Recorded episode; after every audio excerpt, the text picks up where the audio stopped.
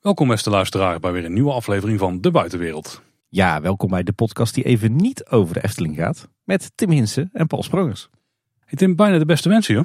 Hè, het is toch al lang eh, 2024? Tim, jij zit met je hoofd helemaal in het verkeerde jaar. Want eh, vandaag hebben we hier iemand aan tafel en die weet alles over China. En in China staat het aankomende jaar voor de deur. Danny Nobel, welkom in De Buitenwereld. Ja, Oudejaarsdag is het in China, hè? 9 februari. En vandaar dat hier ook de tafel vol staat met allerlei Chinese lekkernijen. Ja, we, we gaan strakjes aftellen, denk ik. Het nieuwe Chinese jaar inluiden. Dat denk ik wel. En eh, wat is een eh, betere reden om over China te gaan kletsen, Tim? Nou ja, betere reden weet ik niet, maar ik ken nog wel een andere reden. Want ja, jij hebt hem al geïntroduceerd. Danny zit natuurlijk eh, tegenover ons. Eh, Danny, als ik het goed zeg, ben jij intercultureel adviseur. Klopt. En zo hebben wij je eh, een tijdje terug geleerd China-expert. Want jij zit hier niet voor het eerst. Nou ja, je bent voor het eerst in de podcast De Buitenwereld. Maar we hebben je al eerder te gast gehad hier in deze studio. Namelijk toen wij een aflevering maakten van Kleine Boodschap. Onze podcast over alles Efteling. Eh, over de internationalisering van de Efteling. Dat was aflevering 365. Eh, en daarin vertelde je ons alles over nou ja, het begrip internationalisering en hoe de Efteling daarmee bezig is. Maar stiekem leerden we daar ook een hoop over China en de Chinese cultuur, Chinese mensen, hoe zij naar de Efteling kijken. En aan het eind van die aflevering zeiden wij tegen elkaar van wat zou het stiekem toch leuk zijn om een keer met z'n drieën een aflevering te maken over China. Ja, want daar zijn we beide geweest in het verleden. En Danny regelmatig. En eh, volgens mij bij ons beide gevallen goed bevallen. En bij Danny denk ik ook aangezien het eh, zijn werk is geworden ook. Maar jij hebt een, een langere historie met China natuurlijk. Maar daar wil ik daar even kort over hebben. Ik besef net trouwens dat ik echt een gigantische kans voor een bruggetje waar ik, terwijl ik aan het uitspreken was, dan ook de, de paal onderuit dat gezaag zeg maar heb laten liggen. Want aflevering 365 Tim, hoeveel dagen zit er in een jaar? 365,25. Nou, dit jaar zijn het er ook 366 trouwens. dat is een verschrikkelijk jaar. Alleen het punt is dat het natuurlijk niet gaat werken bij een Chinees jaar. Want dat zal geen 365 dagen bevatten. Ja, het is elk jaar een beetje anders eigenlijk. ja, ja, ja. Maar voor deze keer eh, rekenen we gewoon 365. Nou, dan was het een, toch een schitterend bruggetje met het afleveringnummer van Kleine Boodschap waar je in zat. Hey Danny, mensen hebben jou daarin al eh, leren kennen. Maar ik denk ook om een beetje de context te schetsen van waarom eh, jij een zeer geschikte gast bent om over China te gaan kletsen. Is denk ik wel interessant om nog eens te gaan kijken naar wie jij bent. Kun je jezelf kort introduceren en wat jouw achtergrond is? Jazeker, ja, mijn naam is Danny Nobel, 40 jaar. Ik heb oorspronkelijk de Chinese taal en cultuur gestudeerd. Dat heb ik volledig in China gedaan, dus daar heb ik eh, vijf jaar gewoond. En eigenlijk sinds die studie ja, werk ik eh, dagelijks met eh, China en ehm, met Chinezen. Dus de afgelopen, nou pak een beet, 15 jaar ben ik ook heel regelmatig met groepen Nederlandse studenten, zakenmensen, overheidsmensen naar China geweest. En heb ook soortgelijke groepen Chinezen hier in Nederland ontvangen. Ik heb niet van heel veel dingen verstand, maar van China denk ik wel toch iets meer. Dus ik vind het echt super leuk. Nou, ik denk dat we jou toch wel met recht een China-expert mogen noemen, toch? Zeker in de Nederlandse context. Ja, ja, ja, zo verkoop ik mezelf wel. Dus, eh, dus laten we ja zeggen. Nee, dus ik vind het echt eh, heel erg leuk dat we vandaag eh, een beetje een soort reis door China gaan maken. Ja. Ja, ja want je hebt op de, bij de publieke omroep natuurlijk Ruben Terlouw als eh, de China-expert. Maar ik zie jou wel een beetje als onze Ruben Terlouw. Nou, dankjewel. Want jij spreekt zelf ook vloeiend Chinees, toch? Ja, ik vind het altijd heel onbescheiden om daar zo heel nonchalant eh, ja op te zeggen. Maar eh, ja, Kijk, maar Mandarijn was het toch? Mandarijn. Ja, Kijk. klopt. Ja, we hebben dus samen met jou een ontzettend leuke aflevering gemaakt over internationalisering van de Efteling en, nou ja, een flinke vleug China. Maar vandaag gaan we dus eh, veel meer op, op China inzoomen. Ja, Paul, wat jij zei, wij hebben allebei al een, al een mooie reis naar China gemaakt in een ver verleden. Maar eh, ja, we willen China natuurlijk veel meer gaan uitdiepen. Wat, wat gaan we eigenlijk deze aflevering doen met z'n drieën? Het voelt bijna als een halve grote podcastlas aflevering denk ik. Want we gaan eh, een stukje historie doornemen. Eh, wat de redenen zouden kunnen zijn waarom je naar China gaat. Eh, meer over China in het algemeen. En dan nog een aantal detailvragen die we rondom China zelf hadden. En die we denk ik interessant vinden om te bespreken. En er zit vast een stukje attractieparken bij Tim. Denk het ook. En wij gaan ook meteen van de gelegenheid gebruik maken om te vertellen over de ervaringen die wij in China hebben opgedaan hè, tijdens onze reis. Jij bent volgens mij in, ik wou bijna zeggen in China zelf geweest. Dus een beetje regio Peking toch? Eh, nou, eh, van Peking tot en met Shanghai. En een beetje alles wat daar tussen zit en het binnenland wat ertussen hangt. Heel China dus. En ik ben heel specifiek, eh, heel specifiek naar Hongkong eh, geweest. Waar denk ik eh, nou misschien wel net zoveel over te vertellen valt. Dus eh, Ja, eigenlijk over Hongkong zou je al een hele aflevering kunnen vullen. Dus laat staan over zo'n groot land als China. Dus we gaan, we gaan zien hoe ver we komen vandaag, jongens. Het zal voor een groot deel toch vogelvlucht worden, gok ik. Hey, maar het is eh, vandaag dus de laatste dag voordat het nieuwe jaar aanbreekt. Zo, en het aankomend jaar is een bijzonder jaar. hè? Ja, uh, je hebt de Chinese dierenriem. Daar zitten twaalf dieren in. En uh, elk jaar is het jaar van een dier. Uh, en daar zitten natuurlijk dieren in die um, wat populairder zijn. En dieren die wat minder populair zijn. Je hebt ook de rat en het vark en de hond. Maar we staan nu aan de vooravond van het jaar van de draak. Nou, draak is het symbool van China. Een draak in China is geluk. Dus dit is het, ja, eigenlijk het beste jaar uit die dierenriem van 12 jaren. Uh, zelfs zo'n goed jaar dat dan altijd in China de geboortecijfers enorm omhoog gaan. Dus mensen die wachten, zelfs ook met hun kindje dat geboren wordt, hè, die wachten dan, die mikken dat zo op het jaar van de draak. Dus er staat ons een heel goed jaar te wachten. Kijk aan, want als jouw kind in het jaar van de draak eh, geboren wordt, dan heeft hij of zij ook meer geluk in het leven. Is Precies, ja, ja, dat is de gedachte, ja. Toch wel mooi. Ja. Tim, jij zei net dat wij in een ver verleden naar China zijn gereisd. Dat geldt natuurlijk met name voor ons twee. Danny is er wel recenter al geweest. Ja, en volgens mij gaat Danny binnenkort ook weer terug hè, naar China. Volgende maand ga ik weer voor het eerst sinds de coronapandemie. Dus ik kan niet wachten. Kan ik me helemaal voorstellen, ja. En tijdens de coronapandemie was het ook lastiger om in China te komen. Jij bent er dus ook een aantal jaar niet geweest. Maar ik begrijp dat het sowieso niet heel vanzelfsprekend was dat je, in ieder geval ruim voordat wij er voor het eerst die kant op gingen, dat je het land binnen kon komen. Nou, ik vind het überhaupt heel bijzonder dat jullie beiden al in China zijn geweest. Het is natuurlijk nog altijd niet een enorm populaire bestemming. Alhoewel het uh, pre-corona toch wel een plek was waar ook wel de nodige Nederlanders naartoe gingen. Maar heel lang is China een land geweest waar je eigenlijk niet zo makkelijk naartoe kon reizen. En we kennen China nu als een, uh, een uh, communistisch land. Ehm, daar kunnen we het straks misschien ook wel nog wel heel eventjes ja. over hebben. maar ooit was China een keizerrijk. Nou ja, dat was nog wel meer dan 100 jaar geleden. Um, toen was het ook een beetje een gesloten land, een land waar je niet zo makkelijk in kon. Toen is er een revolutie geweest. Nou, de Tweede Wereldoorlog is ook in China heeft uh, flink huis gehouden. Mao kwam toen aan de macht. Het is eventjes in een vogelvlucht hè, door de geschiedenis heen. Maar Mao, dat is wel een, naam die veel uh, mensen ook kennen. Dat was de, de man die het uh, communisme China in heeft gebracht. Of China in het communisme heeft gebracht. De leider van de Chinese Communistische Partij ja, toen is het land eigenlijk in rap tempo veranderd naar een ja, soort experimentele communistische samenleving. Die in de eerste decennia dat ze dat deden echt desastreuze gevolgen hadden. Dus de Chinese economie die kromp ontzettend. Uh, China sloot zich helemaal voor de buitenwereld eigenlijk af. Dat leidde uiteindelijk tot een periode van ja, eigenlijk een soort burgeroorlog die de culturele revolutie heet. Nou, nogmaals, we gaan er allemaal niet op in. Gaan het vooral straks over leuke dingen en reizen in China hebben. Maar dat kwam pas eind jaren zeventig uh, tot een einde.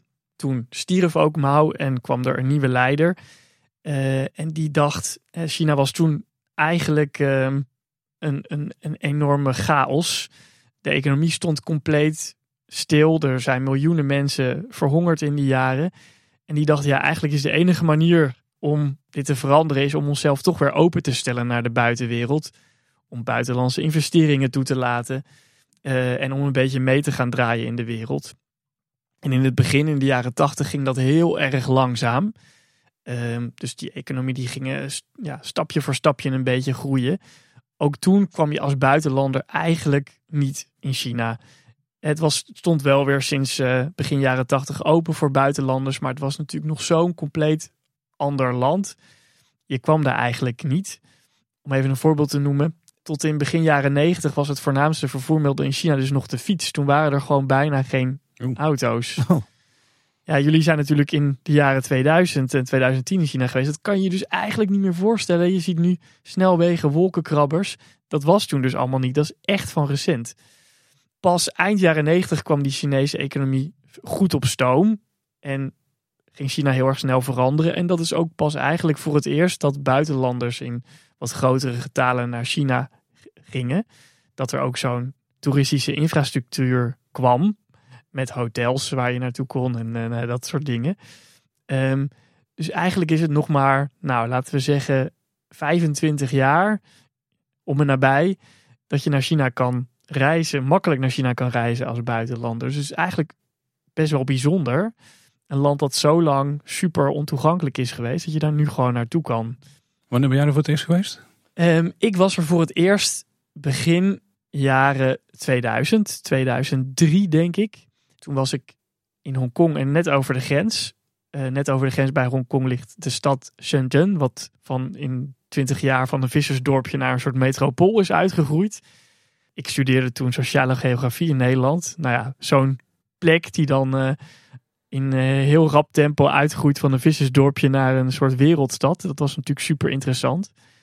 Maar ook toen was China echt nog wel een beetje een stoffig en een beetje een rauw land. En ook toen ik er voor het eerst ging wonen, kon je bijvoorbeeld in China nog nergens koffie krijgen. Dan hebben we het over 2008, 2009. Misschien je? in een grote stad als Beijing of Shanghai al wel dat kon hoor. Ik was in een wat kleinere stad. Maar dat soort dingen, ja, dat was toen nog best wel moeilijk eigenlijk allemaal. Ik wist helemaal niet dat, dat die ontwikkeling van China dat allemaal nog zo recent was. Ja, dus dan kan je ook zien hoe hard dat is gegaan. Ja. En nu hebben ze ons denk ik op heel veel vlakken misschien wel ingehaald. Ja, nu tweede economie ter wereld. Ja. En groeiende, zou ik maar zeggen. Nou ja, zeker op het vlak van technologie en innovatie denk ik dat ze, dat ze heel ver zijn in China. Van China stond ook bekend als een soort eh, land waar gekopieerd werd. Hè? China was een beetje de kopieerder en dan, een beetje de slechte variant veel van veel dingen. Nog steeds wordt er wel eens gezegd hè, van iets slechts van, dat is een beetje de Alibaba-versie van eh, het origineel. Maar op heel veel vlakken kopiëren wij nu wel vooral dingen van ze. Zowel qua technologie, eh, appgebruik, eh retailconcepten en dat soort dingen. Dat wordt nu heel erg veel juist uit China eh, gekopieerd. Dus in, ze zijn eigenlijk ook wel een soort innovatieland geworden. Nou, ik las vandaag zelfs in de krant dat er een eh, Chinees eh, automerk is, een producent van elektrische auto's, waar zo ontzettend veel vraag naar is in Europa, dat ze gewoon een fabriek gaan openen in Hongarije, waar ze Chinese elektrische auto's gaan maken. Ja, BYD, die zijn ook echt enorm goed trouwens, die auto's. Sinds kort dan, hè. dat was vijf jaar geleden, was het nog niet veel. Maar de afgelopen twee jaar zijn die echt heel hard gegaan. Maar dit soort dingen hoor je dus steeds meer hè, van eh, Chinese merken die hier eh, fabrieken of die hier eh, flagship stores openen. Nou, dit was tien jaar geleden nog ondenkbaar eigenlijk. Als we toen naar China dachten, dachten we toch, oh ja, dat zijn die, die maken van die slechte kopieën van dingen. Ja, ook dit is weer super snel gegaan. Wat wel grappig is van, die, van BYD die je net aanhaalt, is dat die al volgens mij 20 jaar of zo een van de grootste batterijproducenten ter wereld zijn. En toen kwam Tesla, dus die bestond toen nog niet. BYD was in ieder geval al veel langer bezig met eh, grote batterijen maken dan Tesla. Dus daar, hadden ze, daar hebben ze nog steeds eigenlijk een streepje voor op die eh, technologie. Ik ben eigenlijk wel benieuwd hoe, hoe zich dat nou verhoudt. Want aan de ene kant is China, hè, wat jij zegt, de tweede economie van de wereld. Volop technologie, volop eh, innovatie, misschien wel, al wel een beetje commercieel. Hoe verhoudt zich dat nou met eh, het communisme en de communistische partij die nog steeds aan de macht is in China? Ja, nou dat is een hele goede vraag. Eh, en ook een vraag die wel wat moeilijker uit te leggen is, maar ik ga het toch proberen simpel te houden. Heel veel mensen die nu naar China gaan en die zien overal Starbucks en McDonald's en die zien eh, nou ja, winkelcentra die 24/7 open zijn en die zien het verkeer langs razen. Eh, die denken, hoe kan dit, wat heeft dit met het communisme te maken? Ehm, en dat komt omdat ons beeld van communisme een beetje is bepaald door DDR en zo.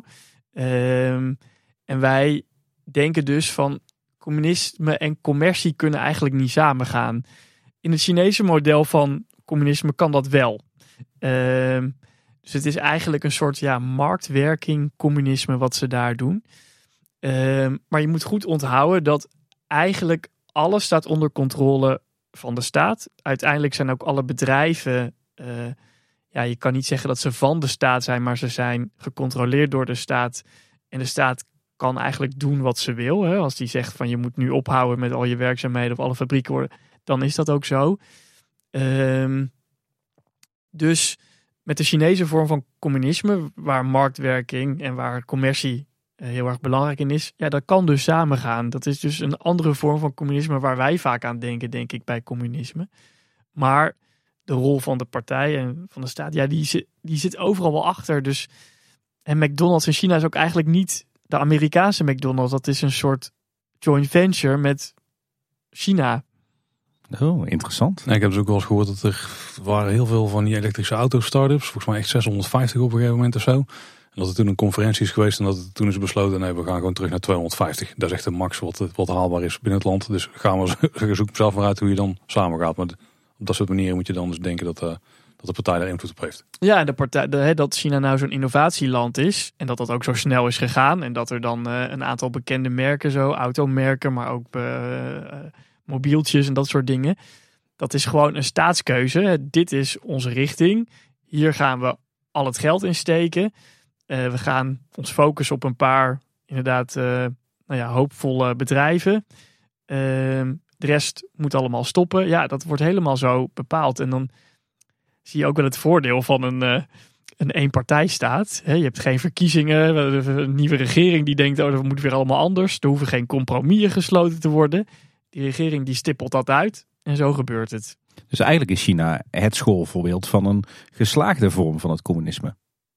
Nou, dat is hoe je het definieert. Want als je het economisch bekijkt, dan doen ze het natuurlijk supergoed. Hè? Uh, nu heel eventjes wat minder, maar China is natuurlijk 30 jaar met dubbele cijfers is die economie gegroeid. Uh, als je het op het uh, vlak van mensenrechten bekijkt, dan zijn ze misschien wat minder geslaagd. Maar goed, daar moeten we het straks misschien nog maar even over hebben. Ja. En als we dan denk ik naar de hele recente geschiedenis van uh, China kijken, dan springen er bij mij meteen twee onderwerpen poppen op. Namelijk de coronapandemie en de nieuwe zijderoute. Kan je daar eens wat over vertellen? Ja, wat ik trouwens ook nog wel wil zeggen, want we hebben het nu helemaal over China met technologie en met, uh, nou ja, we kennen allemaal de plaatjes van de grote wereldsteden. Hebben jullie ook gezien, al die wolkenkrabbers overal en dat soort dingen. En uh, hoge snelheidstreinen en zo. Maar er is natuurlijk ook nog, China is zo groot. Er is natuurlijk ook nog altijd een China uh, met kleine, armoedige uh, dorpjes. Waar, die, ehm, nou ja, waar, waar je eigenlijk zo terug in de tijd gaat. Dat China is er ook nog. Je moet wat beter zoeken dan eh, twintig jaar geleden, maar er is er nog. Vooral in het binnenland dan? Ja, ja, Klopt, dus eigenlijk is de kuststreken meer ontwikkeld en de binnenlanden wat minder. Die nieuwe zijderoute is daar eigenlijk ook een antwoord op. Want eigenlijk die nieuwe zijderoute die verbindt ook voor een deel die wat armere binnenlanden met de buurlanden en met uiteindelijk met Europa. Uh, en die nieuwe zijderoute is ook weer waar we het net over hadden, zo'n idee van de communistische partij. We moeten China en ook de binnenlanden van China verder ontwikkelen. Ehm, we moeten onze rol in de wereld groter maken. We moeten meer landen eigenlijk met ons verbinden. CQ afhankelijk van ons maken. En die zijn dat, hè, dat is tien jaar geleden bedacht, dat concept. En die zijn dat gaan doen met enorme investeringen. Er is een hele Chinese investeringsbank voor opgericht. En omdat zo'n partij van zo'n heel belangrijk en groot land en een partij zonder tegenspraak en een partij die geen compromis hoeft te sluiten, dat gaat doen, ja, dan gebeurt dat ook. En dan kan het dus super snel gaan. Dus ja, dat is de nieuwe zijderoute. Ja. Ja, en het verhaal is natuurlijk dat China overal ter wereld havens en uh, luchthavens aanlegt. Met als bijbedoeling om invloed uit te oefenen in die landen. Zeker, ja. Kijk, China is heel lang, ook uh, in het, uh, de tijden van het keizerrijk, is dat eigenlijk een van de belangrijkste landen ter wereld geweest. Toen wij uh, hier de renaissance ingingen en met ontdekkingsreizen gingen beginnen en koloniën gingen aanleggen, is dat een beetje veranderd. En werd het Westen de belangrijkste macht. en ging China een beetje een ondergeschikte rol spelen. En zij willen gewoon die rol terugpakken. Um, en ja, op een bepaalde manier is zo'n nieuwe zijderoute eigenlijk een soort moderne versie van een koloniale macht zijn. Ja, ja. ik vind het ook zo bijzonder dat het zo'n negatieve bijklank heeft in het Westen. Het voelt bijna als een beetje afgunst richting China. Nou, het is sowieso denk ik heel moeilijk om je rol uh, in, als je heel lang uh, een wereldspeler bent geweest. Dat zie je ook in Amerika. Is heel moeilijk om zo'n rol natuurlijk af te staan. Dat wil je liever ook niet. En die bijklank, die negatieve bijklank die het heeft. China is natuurlijk ook heel vaak negatief in het nieuws. Die is deels onterecht kunnen we straks nog wel wat over zeggen als we het over reis in China gaan hebben. Uh, maar deels ook wel terecht. Hè? China is een land met hele andere normen en waarden. Die zij ook graag aan de wereld willen opleggen, net als de Amerikanen dat ook willen. Maar die verschillen wel van wat we in Nederland vaak eh, oké vinden. Dus voor ons is het niet per se altijd goed nieuws als China eh, van alles opkoopt en daar invloed gaat proberen uit te oefenen. En jij vertelde net al dat je een aantal jaren niet in China bent geweest tijdens de coronapandemie. Toen was China natuurlijk even tussen aanhalingstekens gesloten. Ehm, nu is corona, uh, nou ja, niet helemaal uit de wereld natuurlijk, maar we kijken er nu meer tegenaan als een soort, uh, soort griepje. Betekent dat dat China ook weer is open gegaan? Ja, precies. Je zei net ook al, hè, corona, dat je daar ook aan dacht bij China. Logisch. Het is daar natuurlijk ontstaan. En China is natuurlijk ook heel lang het land geweest wat de strengste corona-aanpak had. Dat hebben ze heel lang volgehouden. Maar uiteindelijk hebben ze dat ook los moeten laten. Eigenlijk is dat een van de weinige keren dat de communistische partij een beetje toegegeven heeft aan het volk. Want er Ja. kwamen op een gegeven moment eh, ja, steeds hardere protesten. En toen hebben ze dus ook ehm, ja, eigenlijk alles weer eh, langzaam opengezet. De Chinese economie is heel erg beschadigd geraakt in coronatijd. Omdat China veel langer en veel strenger in lockdown is geweest dan wij hier. En eh, corona is daar ontstaan. Ook een beetje een negatief, eh, negatieve bijklank. Dus China wil nu weer heel graag zichzelf openstellen en toeristen verwelkomen. Ja, en weer teruggaan naar eigenlijk eh, eh, die rol die ze ook hadden pre-corona. En om dat allemaal makkelijker te maken, hebben ze nu ook voor het eerst in de geschiedenis, dus het is best wel een bijzonder moment, fijn dat we deze aflevering daarom nu hebben, kun je dus als Nederlander visumvrij naar China reizen. Oh, wow. Wat dus echt wel bijzonder is. En dan denk je nog, och, een visum. Maar in China, een visum was altijd moeilijk hoor. Was en duur, was en moeilijk te regelen. En je kunt er nu gewoon 15 dagen visumvrij naartoe. Oh, wauw. Ik heb dus eh, in het eh, consulaat gestaan in Den Haag om daar mijn visum op te pikken. ja. Ook omdat we Precies, vrij laat ja. waren trouwens. Volgens mij had het via de post gekund, maar dan had ik heel vroeg van tevoren moeten regelen. Ja, dan moet je je paspoort via de post versturen. Nou ja, dat is ook allemaal niet eh, prettig. Nou. Ja, volgens mij had ik voor Hongkong ook een visum nodig, maar dat was heel simpel. Ik kreeg gewoon op de luchthaven van Hongkong een bonnetje uitgeprint, eh, wat in je paspoort werd geplakt en dat was dat. Ze stempelden nog niet eens in je paspoort. Nou, dat is wel goed om even te zeggen inderdaad. Want Hongkong is natuurlijk onderdeel van China. Maar wel een beetje een apart stukje China. Omdat het heel lang een Britse kolonie is geweest. En daarom gelden daar wel andere regels voor. Dus Hongkong was inderdaad al heel lang dat je niet echt een visum nodig had. Maar inderdaad gewoon ter plekke een stempel kreeg. Misschien als, eh, als ik straks ga vertellen over mijn bezoek aan Hongkong, dat we dan even eh, moeten duiden wat voor ja, positie Hongkong heeft eh, in China. Had en heeft. Zeker. Hey, maar we kunnen dus weer makkelijk naar China. En dan is denk ik de vraag voor onze luisteraars die daar nog niet zijn geweest. Waarom zou je nu naar China willen gaan? Waarom gingen jullie destijds naar China? Nou, voor mij was het eigenlijk heel simpel. We hadden eh, al een aantal reisjes gedaan, onder andere naar de Verenigde Staten en binnen Europa en zo natuurlijk. En wij dachten, we willen eens gewoon iets totaal anders. En toen, eh, ik weet, toen zijn we op China geland. Ik weet eigenlijk niet waarom het per se China was, maar we wilden gewoon richting het oosten. Eh, echt een heel andere cultuur ervaren dan wat we tot dan toe hadden gedaan. En China sprak ons wel aan omdat daar gewoon eh, wel wat hele mooie toeristische eh trekpleisters lagen. En toen liepen we gewoon tegen een mooie reis aan waar een hoop van die dingen werden afgetikt. Echt van die bucketlist items. En toen zijn we daar gewoon voor gegaan. En jij Hongkong? Ja, een beetje, beetje vergelijkbaar verhaal, maar ook een beetje anders. Ja, eh, ja Anne en ik kwamen er eigenlijk eh, toen we elkaar kenden al snel achter dat we, dat we allebei heel graag wilden gaan reizen. En eh, vervolgens na een paar reisjes kwamen we er ook achter dat we eigenlijk allebei hetzelfde wilden. Namelijk dat we allebei super geïnteresseerd waren in grote steden met, met een bijzondere historie liefst. Dus we hebben in een paar jaar tijd heel veel gezien van, van Europa. Met name veel grote steden, hoofdsteden.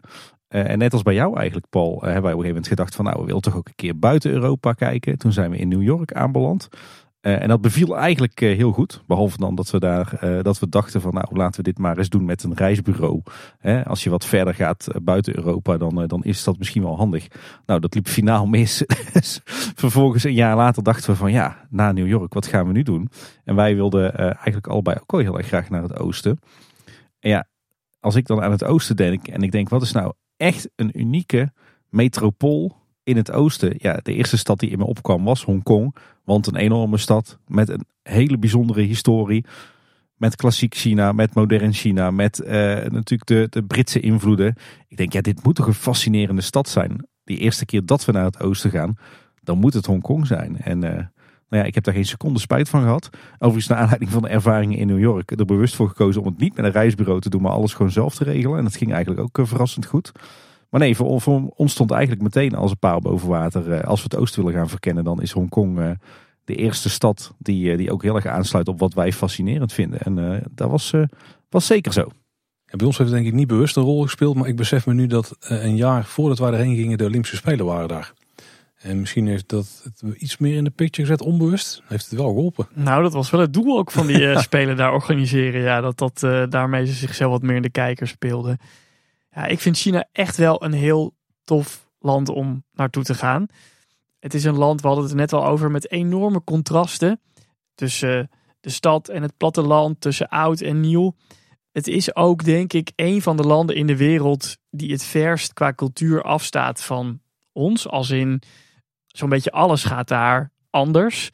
Eh, kan je zeggen, goh, dat is in andere Aziatische landen ook. Maar bijvoorbeeld Japan is toch een stuk westerser. Uh, Thailand en dat soort landen zijn ook wel wat makkelijker, denk ik. En ook wat west, uh, westerser.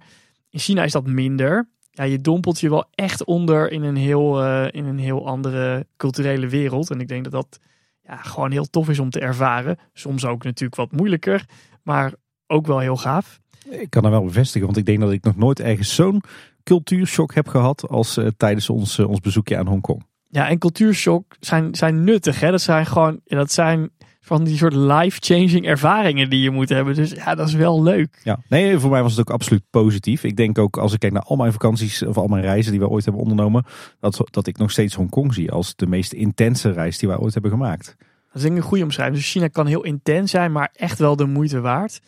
En inderdaad, hè, wat jij ook zei, Paul, de, een aantal van de meest, ja, de bekendste, iconische toeristische plekken ter wereld, zoals de Chinese muur, de verboden stad. Ja, die, die, die vind je daar. Maar ja, daarnaast is er nog zoveel meer. Het is echt een land, ja, je kan er blijven en blijven reizen. Het is uh, vrij groot, ja, vrij veel te zien. Bij mij staat ook een, een, nieuw bezoek aan China zeker nog wel op de verlanglijst hoor. Peking of uh, Shanghai. Het speelt bij jou niet mee in wat er toevallig ook pretparken liggen? In Peking, of in Beijing tegenwoordig ook dus?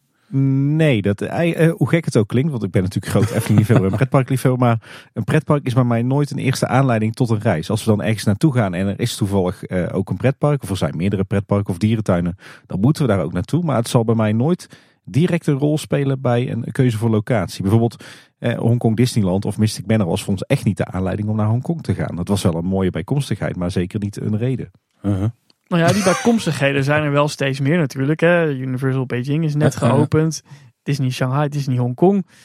En hebben we nog niet eens over alle lokale en Chinese parken. Dus uh, ja, nee, als je daarvoor gaat, is het natuurlijk ook een goed land. Ja, dus, ja we staan er straks nog even bij stil volgens mij. Ja, want jij zegt, uh -huh, maar uiteindelijk was, was Hongkong Disneyland voor mij niet eens het, uh, het, het, het meest interessante pretpark tijdens mijn reis. Nee, maar dat was niet de vraag. Dat was niet de vraag. En misschien een vraag waar mensen wel mee zitten. Is China veilig om naartoe te reizen? Want het, het is zo anders dan hier. Dus mensen kunnen zich voorstellen dat het dan ook misschien ja, op, op verschillende vlakken onveiliger is dan hier. Ja, um, en dat is een heel terechte vraag of een terechte zorg om te hebben. Ligt er ook een beetje aan hoe je veiligheid definieert. Hè? China heeft bijna geen criminaliteit bijvoorbeeld. Dus dat je daar uh, nou, op wordt gelicht of dat je zakken worden gerold of zo. Die kans is natuurlijk heel klein. Het is wat dat betreft super veilig. Qua privacy is het natuurlijk een beetje minder. Je weet, je geeft in China allerlei dataprijs. Je weet niet helemaal wat daarmee gebeurt. Dat is natuurlijk wel iets. Dat is überhaupt als je naar landen buiten Europa gaat reizen en zo. Ja, dingen gaan daar gewoon soms een klein beetje anders. Ja, dat kan een zorg zijn. Ik zelf denk altijd met. Ik ben een gewoon persoon. Ik ben geen uh, belangrijke VIP of zo. Ze hebben aan mij ook niet zoveel.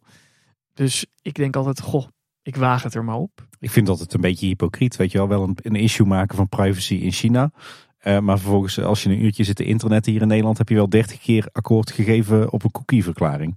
Dan denk ik, dan laat je ook alles van jezelf bijhouden. Niet door de staat, maar door allerlei commerciële bedrijven. Nou, ik weet wel wat mijn voorkeur zou hebben. Het gaat in China wel net iets verder, denk ik hoor. Maar ja, tips is Danny, als het minister-president luisteren naar deze podcast, moeten ze misschien iets beter opletten dan Die wij. moeten beter opletten. Die moeten zeker beter opletten, ja.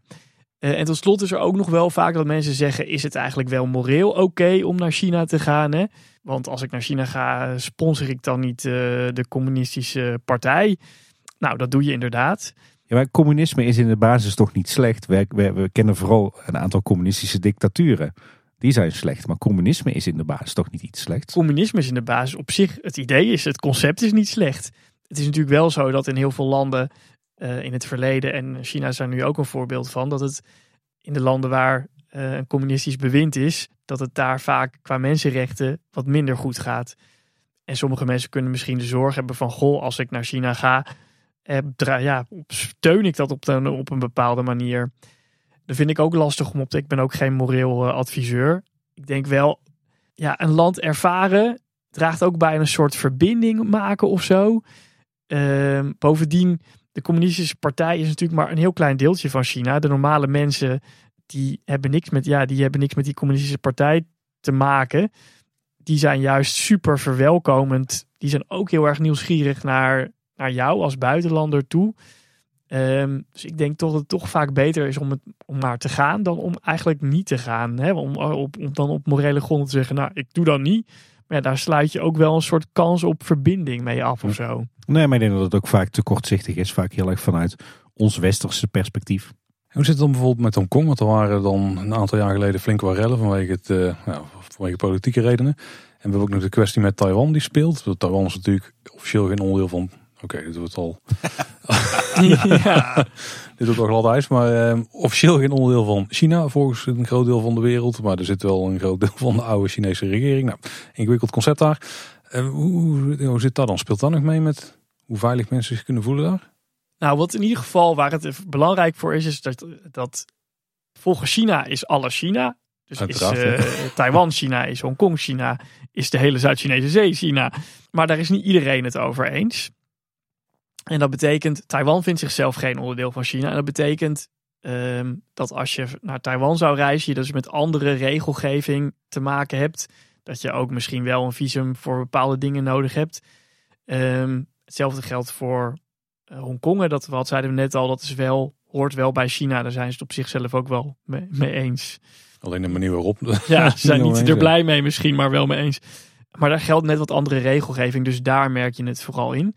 Wat ook wel goed is om te weten is dat in mainland China, dus dat noemen we, dat is eigenlijk alles behalve Hongkong en Taiwan. En, en Macau?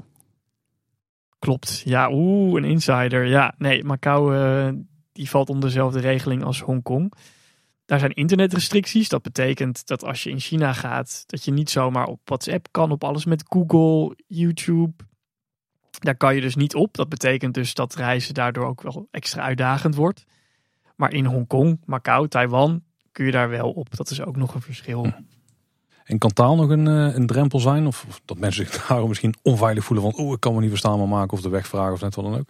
Nou, vroeger misschien wel, maar we hebben zulke goede vertaalapps allemaal. Dus eigenlijk maakt dat niet meer uit. Het is wel gewoon zo in China dat, hè, we zeiden net al...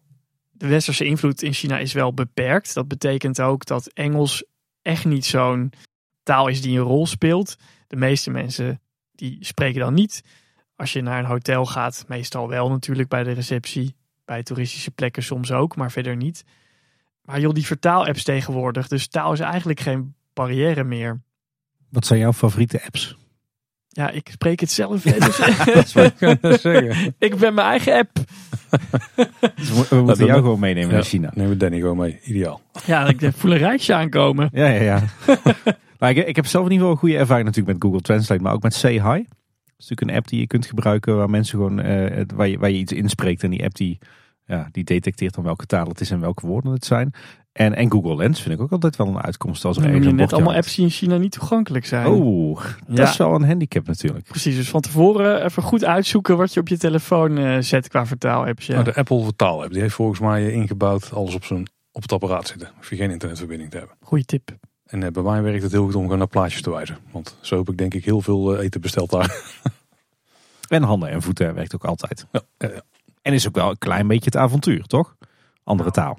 Ja, ik denk dus dat dat soort ontmoetingen waarin je met handen en voeten probeert dingen duidelijk te maken en een beetje een lolletje hebt met een restauranthouder, dat dat je reis een beetje show geeft, weet je wel. Dus dat is ook gewoon leuk, ook als dingen even misgaan, als je een soort elkaar niet begrijpt. Nou, dat is toch lollig. Ja, voor mij is dat ook de charme van reizen. En zeker de charme van reizen naar China. En ik weet niet of jullie dat ook nog eh, hebben gedaan. Maar hebben jullie ook nog rondgelopen met reiswoordenboekjes? Nee. Ik had vroeger een Pointed. Ken je dat nog? Zo'n gidsje met allemaal foto's. Oh. Ja. Ja. Ja, Daar heb ik heel veel reizen meegemaakt. Ik heb ook nog heel veel reiswoordenboekjes in mijn kast staan, moet ik zeggen. Wat en hoe in het? Ja, exact, jij kent ze. Nee, volgens mij was uh, mensen afwimpelen was heel belangrijk. ja, nee. Uh, volgens mij ken ik nog wel een paar, een paar getalletjes. Nou, kom eens door dan. Ja, dit is 16 jaar geleden. Nou, je zegt, ik ken ze nog. Nee, nee, nee, ken ik toen. Oh, die, toen. Had ik, die had ik me toen eigen gemaakt, want dat was wel handig. Maar ik denk trouwens dat qua getal het niet veel meer was dan één of twee. Want dat was meestal een hoeveelheid die we moesten hebben. Zoiets, daar, heb ik, daar, daar lukt het aardig. Maar wij, wij een georganiseerde reis, dus een groot deel van de tijd hoefde ik me nergens druk om te maken. Dat scheelde ook wel. En dat was ook wel praktisch denk ik voor de plekken waar wij kwamen. Zeg Danny, wij hebben het nu zelf vanuit onze eigen reiservaringen vooral heel erg al gehad over, over onze ervaringen in Hongkong en in Peking. Maar dat, dat soort steden zijn eigenlijk nooit heel erg representatief voor hoe een land eruit ziet of hoe, hoe, je, hoe een land is. En dat is een beetje hetzelfde als naar New York reizen en dan zeggen dat je de Verenigde Staten hebt gezien. Dat is natuurlijk ook klinkklare onzin. Maar eh, kan jij eens wat meer vertellen over de rest van China dan? Hoe, wat is het voor land? Hoe, ziet het eruit? Landschap, steden, de mensen? Dat kan ik zeker. Um, dat is je vak. Ja, dat doe ik wel eens vaker. Nee, grofweg, als je het land zeg maar, kun je opdelen in twee delen. Je hebt Noord en Zuid. En die verschillen tussen Noord en Zuid, die zijn eigenlijk super groot. Zowel qua landschap, qua um, eten, qua hoe mensen eigenlijk zijn.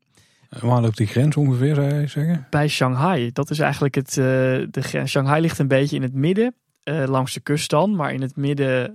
Uh, Um, als je van eh, noord naar zuid kijkt. In het overgangsgebied eigenlijk. Ja, en dat is een beetje het overgangsgebied inderdaad. Noord-China, eigenlijk is het, vind ik wel grappig dat in bijna alle landen ter wereld er door dezelfde clichés over Noord en Zuid uh, gaan. Dus in het cliché in China is dat in het noorden dat mensen wat stugger zijn, wat norser en in het uh, zuiden wat uh, flamboyanter en zo. Nou, volgens mij denken we dat in Nederland ook over onszelf. Ik denk ook aan Florida en de Verenigde Staten, ja. Ja, ja het is eigenlijk best wel grappig dat ze volgens mij dat dus in Frankrijk en Italië ook denken. Terwijl, Duitsland ook, uh, denk ik. Nou ja, Noord-Frankrijk is nog een heel stuk zuidelijker dan uh, Zuid-Nederland natuurlijk. Ja. Ja, ja, ja, en ik zie weinig overeenkomst tussen de Zuid-Nederlanders en de Noord-Fransen. Ja. Volgens mij heb je in, in China ook een hele grote rivier, de Yangtze. Loopt die dan ongeveer op de scheidslijn? Klopt, ja, heel goed. Ja, de Lange rivier heet hij in het Chinees. Die doorklieft eigenlijk het land een beetje uh, en maakt zo uh, Noord en Zuid. Het noorden, um, dat zijn voor een heel groot deel woestijnen en grote laagvlaktes. Dat is een wat uh, doorder landschap, um, wat um, ja, in het uiterste noorden eigenlijk wordt begrensd door de Chinese muur. In het noorden liggen dus, nou, ligt de hoofdstad, liggen ook andere uh, grote steden. Het noorden is ook uh, inmiddels voor een groot deel best wel geïndustrialiseerd geworden. Grote kolenmijnengebieden liggen daar ook. In het noorden worden meer gerechten gegeten die uh, van granen worden gemaakt, zoals noedels en nou, stoombroodjes. Dus het noorden heeft een heel ander soort gevoel dan het zuiden van China. Het zuiden is heel erg bergachtig hoe verder je naar het zuiden komt, uh, eigenlijk hoe bergachtiger het wordt. In het zuiden wordt veel meer rijst gegeten. Die typische Chinese landschappen die je ook kent van uh, nou ja, tekeningen in Chinese restaurants met van die hele grillige bergen en rijstvelden en theeplantages.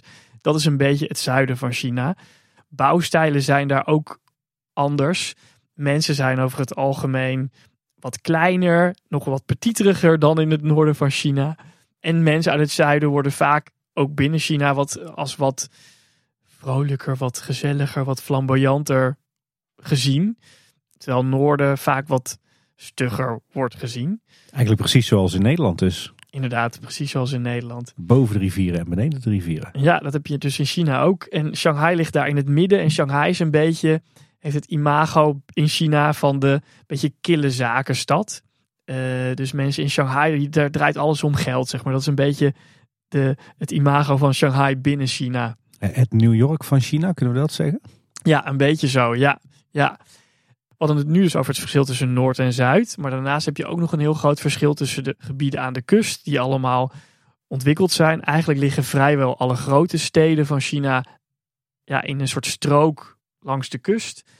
En daartegenover staan die binnenlanden, die eigenlijk heel slecht ontwikkeld zijn. Uh, waarvoor een heel groot deel de tijd heeft stilgestaan. Die ook veel dunner bevolkt zijn. Uh, dus je hebt veel minder grote steden. Uh, dus je hebt eigenlijk, ja, je kan China bijna in vieren delen. Je hebt dus Noord-Zuid contrasten, maar ook hele grote contrasten tussen de kust en de binnenlanden. En het is niet zo dat, dat de regering of de overheid het nastreeft om ook het, het binnenland mee te nemen in die ontwikkeling die de kust wel doormaakt. Jawel, en daar is die nieuwe zijderoute bijvoorbeeld ook voor. Tegelijkertijd, de binnenlanden zijn veel dunner bevolkt. Ook wat ontoegankelijker in veel gevallen. Het Tibet is bijvoorbeeld ook zo'n binnenlands gebied. Nou, dat is een hooggebergte. Dus ja, die ontwikkeling gaat ook gewoon moeilijker. Maar China bouwt geen uh, grote megasteden in de middle of nowhere. Nee, het is geen uh, Saoedi-Arabië geloof Weet ze de, de line willen ze daar maken. Ja, nou is dat ja. stad. Ja. wat, wat heb jij zelf van China eh, gezien? Was jij vooral gefocust op die kust? Of heb je het hele land wel gezien? Ik ben bijna in alle provincies van China geweest. Oh, hoeveel zijn er trouwens? 23 provincies zijn. En dan heb je ook nog daarnaast vier stadsprovincies. Is Hongkong dan zo'n stadsprovincie? Of? Nee, dat is een speciale administratieve zone. Oh, Maar uh, Beijing is bijvoorbeeld een, uh, een eigen stadsprovincie. Oh ja. Ja, ja. En dat geldt bijvoorbeeld ook voor Chongqing. Dat is een gro grote, een van de grootste steden van China. Niemand kent het bijna. En ik heb in twee steden in China gewoond. Ik heb in Dalian gewoond, helemaal in het noorden van China, vlakbij Noord-Korea. En ik heb in Xiamen gewoond. Dat is heel erg in het zuiden van China, uh, niet al te ver van Hongkong. In de ene stad drie jaar, in de andere twee jaar. En dat was ook een beetje om zelf ook die verschillen te ervaren. Ja, dus jij hebt echt bewust in Noord- en in Zuid-China gezeten. Klopt. En je bent ook, ook echt de binnenlanden ingetrokken dus. Zeker, ja. Ik heb um, bijvoorbeeld niet lang nadat die geopend was, die trein naar uh, Lhasa genomen, naar Tibet. Wauw. Dat is echt, ja, dat, dat was ook echt een fantastische reis. Ja, en zeker ook de, ja, de binnenlanden, de armere gebieden in. Ik moet wel zeggen, dat moet je echt doen als je, op, als je tijd hebt om te reizen. Want dat zijn, dat zijn niet makkelijk toegankelijke gebieden. Dat is niet voor als je even twee weken of een weekje hebt om China te doorkruisen. Ja, ja ik vind dat fantastisch. Maar dat is wel. Um, dan, dan kan het ook soms een beetje Spartaan zijn. Want hoe, hoe verplaats je je over het algemeen in China? Zeker als je de binnenlanden in wil? Nou, het treinennetwerk in China is heel goed. Er is natuurlijk ook in heel ram tempo een enorm HSL-netwerk opgebouwd. Die gaan ook steeds vaker de binnenlanden in.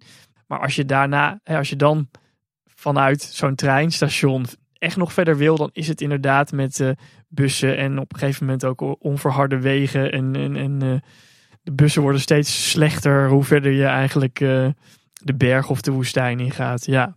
en hoe zit het in, in taal met China? Want we hadden het net al over Chinees of Mandarijn, maar er zijn meerdere vormen van het Chinees, toch? Nou, we zijn in Nederland een superklein land. We hebben al heel veel dialecten. En met Fries ook nog wel een aparte taal. Dat is in China natuurlijk ook zo. Dat is een enorme lappendeken aan allerlei dialecten. En Mandarijn is een beetje het algemeen beschaafd Chinees, het ABC. Dat wordt door heel China gesproken. Dat wordt ook door de overheid heel erg gepromoot. Hè? Dus alle scholen, daar moet ABC gesproken worden. Alle televisiezenders, dat, die zijn in het Mandarijn. Maar daarnaast heb je in heel veel gebieden ook nog dialecten. Of hè, soms zijn dat ook bijna aparte talen. Zoals het Kantonees in zuiden van China. Je hebt het Mongols, Tibetaans natuurlijk. Dat zijn wel talen die allemaal een ondergeschikte rol spelen. Maar die leven nog wel. Zeker, die, worden, die leven nog steeds. Ehm, ze worden wel langzaam maar zeker een klein beetje aan de kant gedrukt. Ah, oké. Hm. Volgens mij toen, uh, toen wij in uh, Hongkong waren in 2016, toen had je daar nog drie officiële talen. Het Mandarijn, het Kantonees en het, uh, het Engels. En die werden wel echt gewoon stevast overal consequent alle drie gebruikt. Of nou in omroepberichten was of op bordjes, dat was echt gewoon altijd drie talen. Klopt. ik heb nog duizend en één vragen over, over China, Danny. Maar, maar goed, dat gaat misschien een beetje ver. Maar ik, ik ben wel benieuwd voor jou als, als iemand, toch een China-expert en iemand die, die heel veel van China weet en heel veel van China heeft gezien.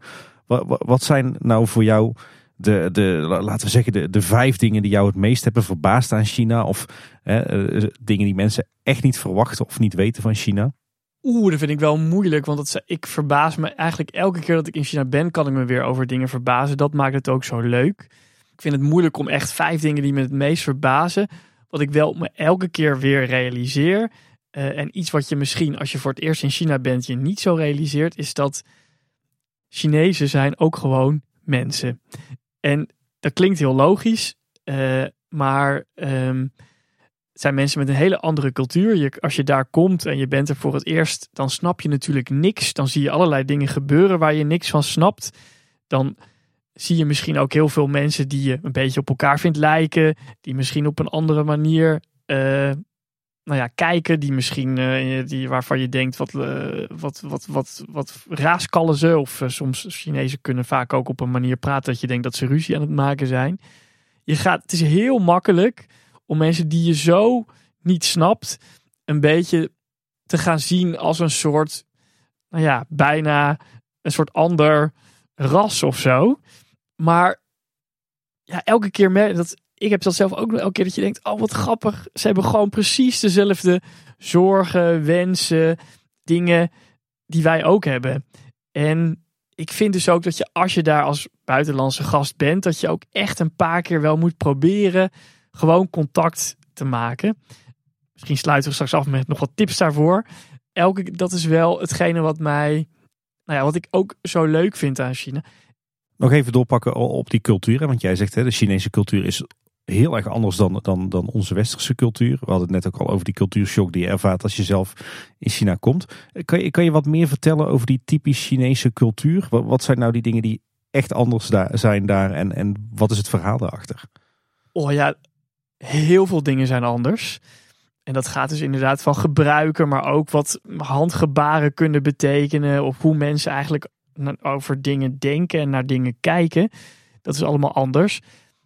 Kijk, je moet weten dat China, dat is eigenlijk een van de weinige landen, maar zo niet het enige land ter wereld, wat een soort onafgebroken culturele ontwikkeling vanaf 4000 jaar geleden door heeft gemaakt. Hè.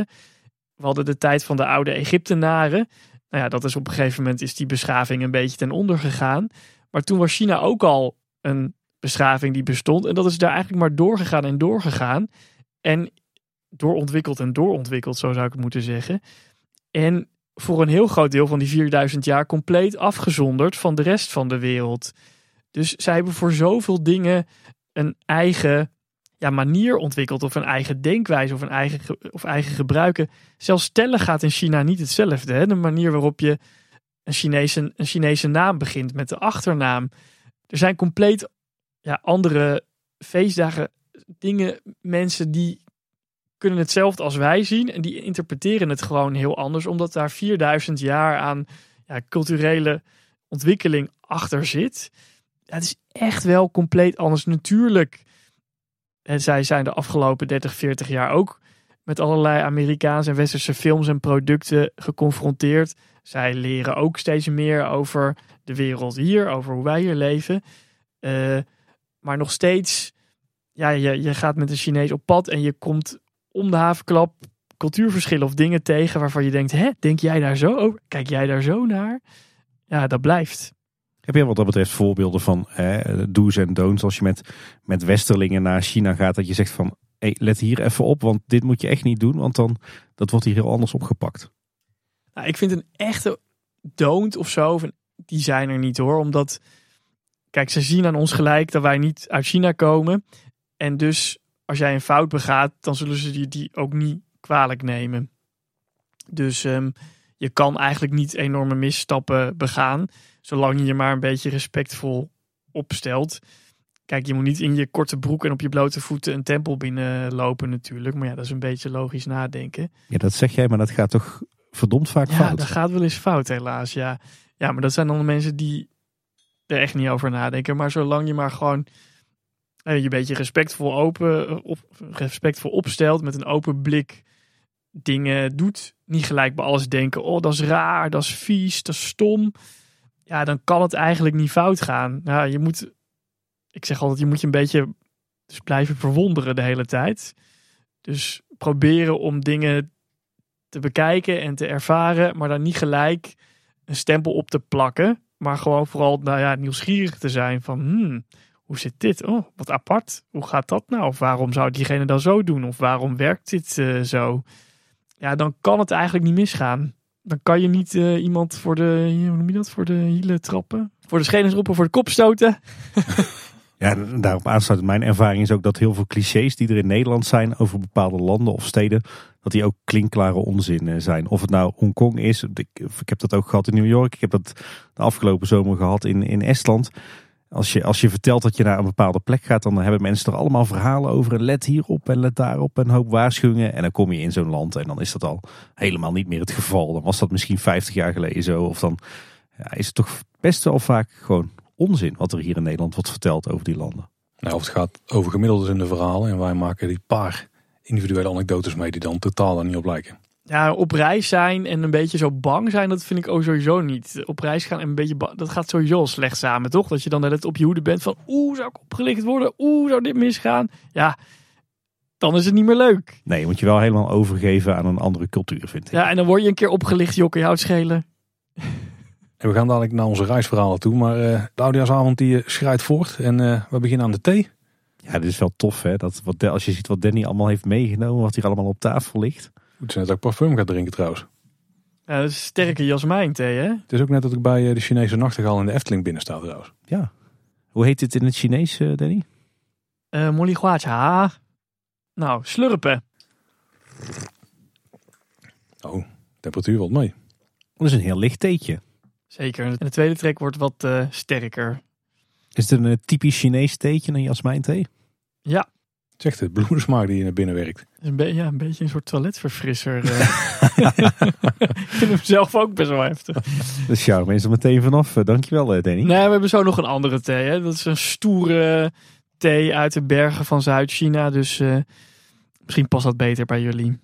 Oh, dat is een thee. Ik dacht, er liggen allemaal koekjes op tafel. En we hebben ook nog wat snacks in een, bakje zitten. Denk Ja, dat het het is oudejaarsavond, jongens. Dus we moeten er wel wat van maken. Dat ziet er in ieder geval gezellig uit. Nou, Tim, laten wij zo dan wat snackjes gaan eten. Want dan kan Paul wat vertellen over zijn reis naar Beijing. Die dus al in 2009 was. Ja, 2009. Ja. Toen moest ik dus nog eh, het visum zelf gaan ophalen in Den Haag. Dat was ja, inderdaad niet ideaal. Maar we waren vrij laat met boeken, kan ik me nog herinneren. En we hadden eigenlijk ook een andere reis geboekt. En die werd toen weer in één keer eh, omgeboekt. Want eh, wij zijn georganiseerd die kant op gegaan. Eh, ik denk dat het uiteindelijk ook geen hele stomme keuze was voor eh, de ambitie die we daarin hadden. Ja, die hadden we niet. We hebben gewoon een reis uitgekozen en die zijn we doen. Die heette Klassiek China trouwens. Die naam zou ik nooit meer vergeten, want dat omschreef vrij goed wat we allemaal hebben gezien. Eh, maar dat was dus met de reisorganisatie groepsreis met een begeleider ook constant erbij. Wat ook wel praktisch was, want je kreeg overal meteen alle contexten en zo bij verteld. Ehm, en een hoop achtergrondinformatie van iemand die daar ook al jaren kwam. Vlaamse gids, Vincent. Ik ken hem nog steeds, ja. Zo, ongekend. Met- Met welke reisorganisatie was je die kant op gegaan? Eh, de Jong Intra, volgens mij weet ik ook nog. Want we hebben daarna ook nog meerdere reizen via geboekt. Oh, Maar dat is dat beviel. ja, dat was dan wel allemaal op maat meer. Ehm, maar die hadden dat daar heel goed geregeld. Ja, we zijn ook met hen naar de Verenigde Staten gegaan, ja. Dus de, een reis die ze hadden, die we op een paar plekken hadden doorgeknipt. Dat was verder wel allemaal op eigen vervoer. Maar, ehm, dus dat was goed bevallen, ja. Eh, die En je toen- begon in Beijing. Ja, we begonnen in Beijing. Eh, Ik, ik ga je toch even aan de noodrem trekken, heer. Want ik hoor eh, zeker jou, Danny, consequent Beijing zeggen. Jij, jij nu ook, Paul. Eh, ik heb laatst ergens vernomen dat, dat de, de naam die wij gebruiken, eh, of eigenlijk van oudsher gebruiken voor Beijing, Peking, dat het eigenlijk niet de, de goede naam is. Dat je die niet meer mag gebruiken, toch? Och, nou, de- ik weet of dat officieel is, weet ik niet. Maar dat is inderdaad de oude Nederlandse naam. Of een naam die ook in andere landen wordt gebruikt voor de hoofdstad. Die is gebaseerd op het Chinese woord voor de hoofdstad. Dat is Beijing. En vroeger maakten ze daar in westerse talen een soort andere vertaling van dan dat ze nu doen. Eh, dus Peking, Beijing, het mag alle twee. Het is dezelfde stad. China zelf wil het liefst dat de hele wereld Beijing gaat zeggen. Daarom hebben ze bij de Olympische Spelen dat ook destijds goed gepitcht. Ja, nou, dan zal dat misschien de reden zijn dat wij dat dus ook zijn gaan doen. Dan, doen dan doen wij het allemaal al goed. We zijn inderdaad begonnen in Beijing. Eh, daar, ja, ik, ik, alle hotels en zo, ik weet het allemaal niet meer, maar het was allemaal top geregeld. En dat is ook het voordeel van zo'n eh, zo'n reis. Alles wordt ook echt voor je geregeld. Dus de koffers die, ja, die werden volgens mij opgehaald in de kamer en die vonden we ook weer terug in de kamer en zo zeg maar. En dat werd allemaal voor je geregeld. En overal was ook nog een lokale gids bij. Vond ik zelf ook wel eh, fijn, want dat was dan iemand waar je in ieder geval interactie mee kon hebben. Want nou, ze spreken tegenwoordig al niet heel best Engels in China. Maar dat was toen natuurlijk nog een tandje minder. Er was wel zo'n ding van, oh, de Olympische Spelen zijn geweest. Misschien dat mensen meer Engels spreken. Nee, Nee, dat was echt niet. Zelfs in hotels hadden ze er volgens mij nog moeite mee. ja Chinees-Engels is ook wel een soort buitencategorie. Hè? Die is lastig te verstaan, ook al Oh. is het in het Engels. Misschien spraken ze het wel, maar konden wij het alsnog niet verstaan. Dat zou zomaar kunnen. En jullie gids sprak die wel Chinees? Eh, een beetje ja, maar die, die deed groepsreizen in eh, China en in Thailand volgens mij. Maar alles gaat dan met de lokale gids, want die moet er altijd bij zijn. Dat was een van die communistische eh, regels volgens mij. Ik weet niet of het nog steeds zo is. En ehm, die kon natuurlijk prima Chinees, want dat was gewoon een Chinees die ook een beetje Engels kon. Maar ook niet in alle gevallen. Dus was ook soms wel handen en voeten werken. Maar in Beijing begonnen, daar zaten we in een prima hotel. Wat we eigenlijk heel de reis hebben alleen maar prima hotels gehad. Zelfs in van die steden eh, waar ze nog geen verhouden wegen hadden, daar waren de, de hotels prima. En ja, daar hebben we eigenlijk gewoon een hoop van de highlights eh, gecheckt. Het programma was eigenlijk altijd zo dat je één dagdeel had je voor jezelf. één dagdeel was gepland en dan zaten er ook wel maaltijden bij. En één maaltijd moest je gewoon altijd zelf uit gaan zoeken. Uh, dus onder andere naar de Chinese muur geweest. En ik heb nog proberen te achterhalen waar. Ik weet dat het niet bij de meest populaire plek was op dat moment. Maar we zijn wel met de kabelbaan geweest. Nou, denk, misschien kan ik het daardoor vinden. Alleen, uh, dat bleek dus ook niet zo te zijn. Want ze hebben op een aantal plekken kabelbanen vervangen of bijgebouwd. Dus ik weet niet helemaal waar we zijn geweest. Maar ik Als denk... er een kabelbaan is, is het wel een populaire plek hoor. Ja, maar het was niet uh, de populairste plek. Zeg maar. Je had toen echt de place to be. Maar ja. die was te druk volgens iedereen. Dus daar gingen we daar niet heen. Het was dus of Badaling en ik ga dit helemaal verpesten al die uitspraak, of Yanxing, Yanshan, oh, Yinshanling of Simatai. Precies, dat zijn de drie bekendere plekken. Oh, nou, ja. nou, dan ben ik dus bij wel een. Maar het was 2009. Wow. Ja, dat is wel anders. Nee, dat maakt, dat maakt een verschil. Hoe, spreek je deze namen werkelijk uit, uh, Danny? Pataling, uh, Jinshan, wat, wat zei je nou? Oh ja. Oh ja, die laatste had ik nog enigszins in de smiezen. maar de rest viel wel tegen, ja. Uh, ja, de Chinese muur is wel een van die bucketlist dingen. Dus dat was, uh, nou, die, die moest er sowieso bij zitten. Maar dan kom je ook gewoon niet aan, want iedereen wil je daar graag heen hebben. Uh, ik vind het gewoon heel vet. Daar gewoon overheen was. We waren toen nog vrij jong. De jongste, nou, niet de jongste van het gezelschap, waren nog twee jonger. Frank en Wing. Was ook was een Chinees die ging zijn moederland ontdekken. Maar die woonde in Nederland al heel zijn leven. En ik vind het bijzonder dat dat er gewoon nog steeds voor een grote delen staat. De hele delen zijn wel gerestaureerd. Hier waren delen nog deels ingestort en deels gerestaureerd. Dus dat was wel redelijk gekeken op hoe het ooit was. Maar ook hoe het, uh, nou, hoe het erbij zou liggen. Nou, weinig aandacht. Maar dat het gewoon nog steeds staat. En hoe het is gebouwd op al die bergtop en zo. Echt bizar. Ik ben benieuwd hè. Toen je naar Beijing ging had je natuurlijk een beetje een beeld van wat je misschien daar ging ervaren. Of wat je daar ging zien. Hoe was het toen je er daadwerkelijk was? Wat viel je toen op?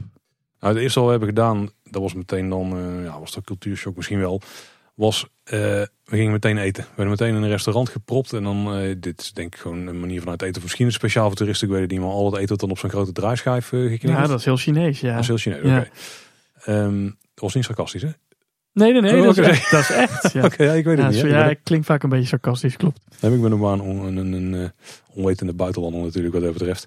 Je, je, had geen uh, bami met een, uh, een plak ham en een, uh, een ei op. nee, absoluut, absoluut niet. Wel heel veel rijst zat er altijd bij, maar daar heb ik geleerd dat is meer voor naar de rand om je buik nog een beetje op te toppen.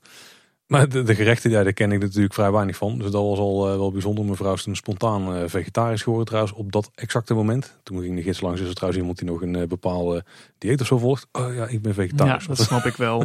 Ja. ik heb alles wel netjes geprobeerd.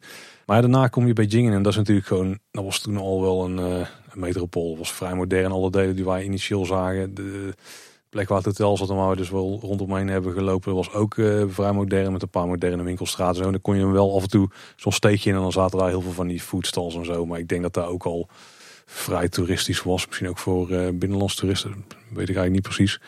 En ik denk dat zeg maar, een beetje het beeld dat je dan toch bij hebt. Dat het wel meer klassiek is met van die uh, pannendaakjes. Met van die uh, draken op de, uh, op de randen en zo. Dat we dat pas later hebben gezien. En bij al die tempels. Want tempels, nou die heb ik echt tig gezien. Daar ging echt helemaal nergens over. Op een gegeven moment waren we een beetje tempelmoe zelfs. Ja, tempeltax noemen ze dat. Ik zit aan mijn tempeltax. Ja, nou, dat, dat hadden wij zeker. Daar zaten we op een gegeven moment echt aan. Dan, was het, dan kon je een optionele excursie doen naar een tempel. En dan was het, nou, we gaan we de stad in. En dan kijken we wat we tegenkomen. Maar dan heb je wel bijvoorbeeld het plein van de Hemelse Vrede. En uh, Tiananmen, Tiananmen, hoe schrijf je, hoe spreek je het op zo'n... Tiananmen. Oeh, nee, dat had ik niet zomaar gedaan. En het bekende plein natuurlijk en de verboden stad die daar dan aan ligt. Ja, dat, dat is dan wel, dat is wel precies hoe je het je voorstelt. En misschien op, op de positieve manier dan ook nog. Wat is eigenlijk het verhaal achter de verboden stad? Dat was vroeger natuurlijk het, de woonplek van de keizer. En daar woonde de keizer met zijn concubines en de hofhouding. Sterker geworden, die Jasmijn tegen. Die is veel sterker. Oh, zo. Ja, open blik, verwondering. Ik zet door, ik zet door. Er blijft een klein kopje. Ja, dus daar woonde de, de keizer met de, uh, zijn hele hofhouding. Dus niet toegankelijk voor de uh, normale Chinezen. Um, tot aan na de Tweede Wereldoorlog was eigenlijk Beijing nog een hele oude stad. Dus was het de verboden stad omgeven door allerlei hele oude wijken, een enorme stadsmuur. Mao, de communistische leider die toen aan de macht kwam, die wilde Peking als hoofdstad moderniseren. Dus die heeft ontzettend veel gesloopt. Super zonde natuurlijk, maar goed. Maar de verboden stad heeft hij intact gelaten. Dat was eigenlijk ook ja, dat blijft een beetje, als je daar overheerst, dan ben je de heerser van China. Voor hem was dat ook heel belangrijk symbolisch gezien. En daarom is die verboden stad er nog steeds. Uh, dat is helemaal niet zo vanzelfsprekend, want zo'n beetje de rest van heel Beijing is plat gegooid. En hangt ook zijn portret nog uh, op de eerste poort van de verboden stad. Ja, want aan het uh, plein van de Hemelse Vrede zit ook het partijgebouw van de Communistische Partij, toch? Ja, de hal van het volk en het mausoleum van Mao. Oh, ja, ja, ja. Maar de verboden stad vond ik denk ik wel een van de highlights. Nog interessanter dan de Chinese muur. Um, ja, het is gewoon heel vet. Het zijn ook, je hebt eigenlijk verschillende ringen. En je kunt steeds, ga je een ring verder naar binnen. En je legt volgens ik stel me voor dat je de reis aflegt die een, uh, een ander staatshoofd of een, een ander belangrijk persoon aflegt. Totdat die op audiëntie bij de keizer of zo kan komen. Uh, maar je hebt dan uiteindelijk ook nog echt de binnenstad. Of echt de binnenring, zeg maar. En daar zijn gewoon de woonverblijven van de mensen die daar op dat moment zaten. Waar je ook gewoon vrij doorheen kunt. Uh, tenminste, niet alles is open, maar je kunt er redelijk vrij doorheen. En dan heb je wel, dus dan stel ik me voor dat je een beetje het oude gevoel hebt van het oude China. Dat je door van die krioelstraatjes kunt en zo met een hoop gebouwen die dicht op elkaar staan erbij. Dus het was wel uh, indrukwekkend en heel vet, ja. Um, Tempel van de Hemel zijn we geweest. Ook een uh, vrij grote highlight. Een compleet ronde tempel is dat. Ja, er zijn meerdere tempeltjes ook. Maar de, de, de ja. tempel aan zich, de grootste, dat is inderdaad, ja, die is compleet rond, ja. Nou, ik kan me herinneren dat ik er op een of andere ronde steen heb gestaan in het midden. Wat een belangrijk punt iets is, maar vraag me niet waarom. Uh, het Zomerpaleis zijn we toen geweest. Met uh, ja, de tuinen die daar natuurlijk bij horen. Uh, ook heel tof. En wat een van de dingen was waarvan ik me van tevoren niet besefte dat we dat gingen doen. Maar we hebben ook in de Hoetongs rondgelopen. Hoetongs moet ik zeggen denk ik. Ja. In de Hoetongs rondgelopen. En dan gingen we ook eten bij mensen die daar woonden. Dat zal allemaal enorm oh, georchestreerd zijn. Ja, het zal georchestreerd ja. zijn door uh, de partij en zo. Uh, dus het, het, zal allemaal wat rooskleurig zijn dan dat het normaal is. Maar dat geeft niet. Uh, wel bij die mensen dus in de binnentuin en dan daar in een van de... ja, het was echt gewoon een, een wit gestuukt hok, zeg maar. Waar we zijn gaan eten. Heel simpele maaltijd, ook met rijst en cashewnoot en iets van vlees of zo. Ik weet niet precies wat we daar allemaal naar binnen hebben gewerkt. met die mensen er ook zelf bij, dus dat was wel heel tof. En dan gewoon zelfs door de stad heen gebanjerd. Maar dat was vooral ja, gewoon een moderne stad verkennen, zeg maar. Ik vond dat, dat minder interessant buiten dan die steegjes waar dan al die uh, en zo in zaten. En waar je dus wel die, um, die bijzondere nou ja, saté stokjes tegenkomt met opgespieste dieren en zo. Ja, ja, dat is wel een beetje inderdaad een tourist trap voor buitenlandse, maar ook voor binnenlandse toeristen. Want dat moet je bij Beijing ook niet vergeten dat dat ook voor de meeste Chinezen een hele bekende, of ja, of een soort once in a lifetime trip is die ze gaan maken. Naar de hoofdstad? Ja. Ah, oké. Okay. Uh, en daar is dat ook voor, ja. Want ben jij uh, zelf vaak in uh, Beijing geweest? Jazeker, omdat dat inderdaad wel natuurlijk een plek is waar heel veel bekende highlights zijn. Dus voor heel veel mensen die naar China komen, um, zowel toeristisch als zakelijk, is dat natuurlijk wel een beetje de plek waar, je, ja, waar dingen gebeuren. Ik heb er ook wel eens een paar maanden gewoond, omdat je dan hè, op de ene groep die gaat dan weg en dan wacht je op de volgende. Um, ik heb een beetje een haat-liefde verhouding met Beijing. Oh. En dat is omdat uh, Beijing is ook de politieke hoofdstad. Dus alles gaat in Beijing altijd net een beetje strenger dan in de rest van China. Uh, over op elke straathoek zijn uh, wachten. Nou, die heb je vast ook op dat, dat hele plein van de Hemelse Vrede. Dat, nou, dat is omgeven door allerlei wachten natuurlijk. Beijing is een vervuilde stad. En dan heb ik het over luchtvervuiling. En Beijing is een stad waar heel veel gesloopt is. Dus het oude Beijing, dat kan je vinden rondom de verboden stad. In die Hutongs waar jij ook bent geweest. Dat zijn eigenlijk de oude volkswijken waar er nog wel een paar van overeind zijn gebleven. Maar verder is het een stad waar enorme autoboulevards doorheen gaan. En van die wegen waar dan militaire parades op kunnen worden. Dus het is ook een beetje een soort of je af en toe soort landingsbanen van vliegveld uh, over moet steken in Beijing. Ja, ja het is niet uh, allemaal pracht en praal daar. Nou ja, ik besef nu trouwens ook dat dus door het hele Olympische complex zijn. Of daar kom je langs volgens mij als je van het vliegveld komt al vrij vlot. Daar heb je wat moderne interessante architectuur. En er waren wel een paar interessante gebouwen. Maar die heb ik allemaal niet zo heel bewust nog op het netvlies. Uh, maar je vroeg net aan de cultuurschok. Of in ieder geval die eerste indruk. Ik moet zeggen dat dit ook wel echt als een wereldstad voelde, zeg maar. Dus uh, dit was ook niet het meest Chinese wat we hadden gezien overduidelijk van, van wat we nog gingen krijgen. Omdat men, stadse mensen zijn, ja, weet je wel, waterwereld ook, die, die gaan hun gang. En daar, ja, daar, dus de doelen van de mensen zijn vrij vergelijkbaar, om misschien zo maar te zeggen. Terwijl op andere plekken in het land je dat toch wel zag dat daar dat we net anders aan toe ging. Oeh, spannend.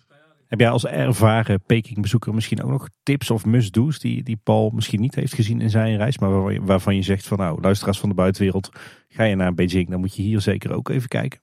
Ja, wat ik heel leuk vind, is wel heel persoonlijk hoor. Maar je hebt in ehm, het uh, Stedenbouwkundig Museum uh, in Beijing. Daar kun je eigenlijk zien hoe Beijing er vroeger uitzag. Want daar zie je heel veel niet meer van. Daar kun je dus ook bijvoorbeeld zien hoe, dat, Beijing vroeger een hele grote ommuurde stad was. Op die stadsmuur die is in de jaren 50 afgebroken. Daar ligt nu een ringweg. En de metro ligt daaronder. Dus dat kan je zien. Je kan ook zien hoe heel veel plekken, bekende tempels en ook de verboden stad in Beijing op één soort as zijn gebouwd. Een soort Noord-Zuid as.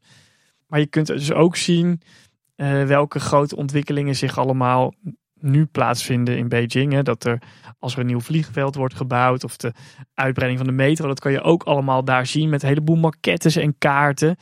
Uh, dus het geeft wel echt een goed beeld van en het verleden van Beijing, maar ook hoe de toekomst eruit ziet. Klinkt als een museum voor mij. ja, inderdaad, ja. Klinkt sowieso een tof museum. Ja, ik, ik heb het dus nog niet helemaal mijn scherm. Maar volgens mij hebben we toen een binnenlandse vlucht genomen en zijn we uitgekomen in Xi'an. Waar natuurlijk ook een van die andere highlights ligt, het Terracotta leger. Ligt oh, zeker. Ja, ligt er nog wel een klein stukje uit de stad. Uh, het Terracotta leger is trouwens sowieso echt enorm vet. En er is ook een heel tof museum bij. En volgens mij waren ze as we speak, volgens mij zijn ze nog steeds dat dingen uit de grond aan het trekken die ze daar uh, hebben gevonden. Dat is een graf gemaakt voor een keizer die daar ooit heeft gezeten. Xi'an is ook een oude hoofdstad van China, van het Chinese keizerrijk dan. En daar staat de stadsmuur nog wel in Xi'an. Ja, zeker. Uh, dat is ook een van de toeristische highlights daar. Uh, daar zijn we met een uh, tandem overheen gefietst. Nou, veel toeristischer wordt het niet, denk ik. Maar ligt trouwens ook best wel, liggen best wel vette stadsparken omheen, waar we ook flink doorheen hebben gewandeld. ook heel vroeg in de ochtend, ook heel vet dat je daar al die Tai Chi figuren, tussen de mensen staan er dan Tai Chi oefeningen te doen. En ik moet zeggen dat daar ook de stad is waar wij misschien wel het meeste aandacht hebben gekregen als toerist. Nou, dat later nog wel iets meer misschien, maar mevrouw had op dat moment een, een heel hip permanentje. Nou, daar hadden ze in China nooit gezien. Die, kreeg baby's in de handen gedrukt en dan moesten ze mee op de foto. En ik was dan uh, bijna twee meter en daar was ook vrij uniek daar. Dus als we daar naar een restaurant gingen, dan moesten ook op de foto met mensen en zo. Nou, dat is trouwens wel voor iedereen die nog van plan is naar China te gaan. Hou daar rekening mee, want in Beijing, Shanghai zal het meevallen. Maar als je naar een stad gaat waar net ietsje minder mensen komen. Of een stad waar ook veel binnenlandse toeristen naartoe gaan. Binnenlandse toeristen die uit kleine dorpjes komen. Dan ben je heel vaak een van de weinige westerlingen die ze ooit in real life hebben gezien. En dan word je vaak inderdaad op de foto gezet. Gewild, gevraagd en ongevraagd. Soms komt er ineens iemand uh, die schuift naast je. En dan uh, blijkt je op de foto te worden gezet. Ja, dat gebeurt ja. Zeker met kekke permanentjes. Ja, nee, dat was wel populair. Ja, dan werd allemaal gedanst op straat en toen moesten we natuurlijk meedoen. Werden we een beetje erin ingetrokken. Je daar gaat. Zijn daar foto's van? Ja, er is, zelfs, er is misschien zelfs wel video van met die knakenkamer. Oh, kun je dat in die show notes zetten? Die moet ik even opzoeken, want ik heb dus op een gegeven moment mijn fotobestand uitgedund. En dan heb ik 50 foto's van heel de reis overgehouden. Dat is niet zo heel 50? veel. Ja, Flinke uitdunning. Ja, van een paar honderd. Dus dat was, uh, ik heb ze wel allemaal nog ergens staan. Die wilde ik nog op, opduiken, maar dat is niet meer gelukt van tevoren. En toen we in Xi'an toen waren we al een paar dagen in China. En toen was op een gegeven moment ook het punt dat ik dacht van... Oh, eh, weer zo'n Chinese maaltijd, weet je wel. Ik heb het nu wel even gezien. Toen heb ik geprobeerd naar een westers restaurant te gaan. Nou, dat ging daar. We zijn in een uh, pizza hut terechtgekomen. Ja, ja. Uh, waar we dus echt met handen en voeten moesten bestellen inderdaad. Want uh, gelukkig was er daar zo'n groot boekje liggen met allemaal plaatjes erin. En toen zijn we gewoon gaan wijzen. En oh, dat werkte vrij goed. Um, wat we daar ook nog hebben gedaan is je hebt daar oh, ook een bekende tempel met van een zwaan of zo. De zwarte zwaan. Eigenlijk. Gans. Ja, dat zou zomaar kunnen. Ja. Of pagode van de... De pagode, de Wild Goose pagoda. Ja, ja, dat is hem, ja. En er ligt ook een uh, groot plein bij of voor. En daar is dan iedere avond een fonteinenshow. En ik heb me ooit laten vertellen dat Aquanura en de Efteling de derde grootste fonteinenshow ter wereld is. Maar dat weet ik niet zeker of dat, dat het geval is. Want daar, daar had je gewoon een plein zo groot als een voetbalveld, als het niet groter was. Um, met ja, gewoon één grote fonteinenshow iedere avond met kleuren. De fonteinen waren niet spectaculair hoog en zo, maar heel stad die, ging, die kwam er dan op af en dan renden er al de kinderen doorheen en zo. Echt, uh, dat vond ik best wel super vet eigenlijk. Het is echt een gigantische fonteinenshow. Het is ook de plek van waar ik toen ik als een van de eerste keren als reisleider optrad, daar met een groep was. En ik dacht, heel dom, want dat gebeurt in China nooit. Ik dacht, hé, hey, daar is een stukje, daar staat niemand. Laat ik de groep daar naartoe. en toen viel ik zo het water in. Het was dus een vijver, maar het was donker en had ik niet gezien. Ja, het was wel inderdaad ook donker toen we die show gingen kijken. Maar dat was ook wel uh, een onverwachte highlight. Een van de dingen die we niet hadden, mee, of niet hadden verwacht. En toen hebben we een bus gepakt. En toen zijn we richting uh, de kust weer getrokken. Want voor de mensen die het niet helemaal kunnen volgen, Beijing ligt dus uh, ja, grofweg in het noordoosten van het land aan de zee. En als je dan naar Xi'an gaat, dan vlieg je uh, dus naar het zuidwesten vanuit daar gezien. En dan kom je een stukje in het binnenland. Ja, het kan nog veel verder door naar het westen. Dus ik weet niet of het echt binnenland is. ja, nou dat valt al wel een beetje onder het binnenland. Oké, ja. oké. Okay, Maar toen zijn we weer terug met een bus voor uh, in ieder geval een deel naar het, uh, het oosten gaan. Dus meer richting de kust. De eindbestemming was uh, Shanghai. Maar we hebben ook nog een deel met een trein uiteindelijk afgelegd. Um, en toen zijn we in een natuurgebied terechtgekomen. En ik heb dus inmiddels geleerd, want ik heb het met foto's kunnen matchen op Google Maps en zo, dat het uh, Huashan is. Huashan, ja. Een van de bekendste berggebieden van het land. Ja, je hebt de vijf bekende bergen in China en daar is Huashan is er één van, ja. En uh, daar uh, zijn we naar boven geklommen, geklauterd naar zo'n tempeltje toe ergens. Uh, vrij toeristisch aangelegde route, maar wel super vet dat je uit de stenen uitgehouden. Um, trappen moet je dan op, maar die zijn uh, vrij stijl. Als in echt, nou, ik denk 80 tot 85 procent of zo. Dus hangen allemaal kettingen naast gedropeerd waar je zelf een beetje mee omhoog moet werken. Er is ook wel een omweg hoor, die is voor, de mensen die er wat minder moeite in willen steken. Maar wij zijn kaart voor die heftige route gegaan. Echt wel een klauteren naar boven. Daar is nog zo'n lekker toeristisch slotje opgehangen en zo. Maar echt schitterend uitzicht daar. Er zijn echt van die, uh, het zijn nog niet die rotsen uit uh, Avatar zeg maar. Maar het zijn echt wel van die rotspunten met daar bovenop af en toe wat plukjes groen. Ja, van die dennen, van die mooie grillige dennenboompjes. Ja, ja. ja. Echt, echt heel vet. En er ging ook mooi zo'n laagje mist toen we eraan kwamen. Zo heel idyllisch. Dus dat was uh, echt heel vet. Maar ze zweven niet. Nee, nee daar kon ik uh, niet op trappen. Ook niet met van die nepwortels eronder. Zo. Nee. Nepwortels? Nee, dat is bij Avatar en uh, oh. Disney Animal Kingdom. en het is wel echt zo'n plaatje uit een uh, zo'n Chinese kalender, weet je wel. Ja, dat was, Die je gratis krijgt bij de afhaal. ja, en daar heb ik een aantal foto's mogelijk uh, gewoon exact van nagemaakt. Want toen ik dus ging zoeken op Google van wat was ik nou precies geweest. Toen vond ik dus die bergketen. Ik had hem een beetje beschreven in een query. Ik denk nee, dat zult er niet zijn geweest. Zo'n groot bekend ding. Want het is ook 2 kilometer, 2,5 kilometer hoog of zo. Nou, dat waren dus blijkbaar wel geweest. Want ik had exacte foto's nagemaakt die ik ook dus op Google vond van die plek. Toen zijn we er verder doorgereden. Toen kwamen we uit in, ja dan ga ik het ook hier weer verpesten. Loyang? Loyang, ja. jij zegt het. Waar uh, onder andere de drakenpoortgrotten zitten. Ja, met de enorme Boeddha-beelden. Met een enorme Boeddha. Ja, tenminste, je hebt enorm veel Boeddha-beelden en je hebt één enorm grote Boeddha uh, die er ook staat. Ja. Uh, je hebt eigenlijk nog een stuk langs de rivier. Het is net dat daar een stuk rots is weggeslagen, waardoor de grotten tevoorschijn zijn gekomen. En daar hebben ze volgens mij tienduizenden Boeddha-beelden in gebeeldhouwd. Ja, sommige zijn echt niet veel groter dan 2 centimeter of zo. Ah, vier. Vier zijn denk ik de kleinste. Uh, maar ook een paar wat grotere. Uh, ook super vet. En ook langs de rivier en zo heel mooi uh, ja, parkgevoel krijg je daar. Dus dat is, uh, was wel echt een highlight. Als je van Boeddha beelden houdt, dan moet je daar zijn.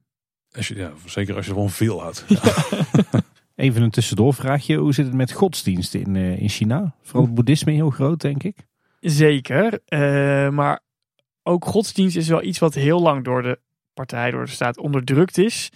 De laatste jaren is dat ietsje vrijer geworden, maar nog steeds is dat allemaal wel heel erg gecontroleerd. In mainland China um, is godsdienst ook veel kleiner dan bijvoorbeeld in Hongkong of in Taiwan, waar die onderdrukking nooit zo is geweest. En Hongkong inderdaad volop boeddha's. nou, die hebben we ook wel veel gezien, alleen ik kan me verder niet echt herinneren. Ja, je hebt veel tempels en zo, maar dat het echt religieuze uitdragingen zijn, daar valt wel mee. Ja, dat mensen daar heel erg mee bezig zijn. Ja, en ik denk dat in, in, in mainland China zijn ook heel veel tempels wel gewoon een beetje verworden tot um, ja, toeristische trekpleister. Met toeristen denk je misschien aan heel vaak aan buitenlanders, maar dat gaat ook gewoon heel veel om binnenlands toerisme. En zijn tempels, nou, je gaat daar dan wel eens uh, wat wierook, als je gewoon een lokale, wel wat wierook opsteken, maar dat is niet meer zo'n enorme belangrijke rol in het dagelijks leven.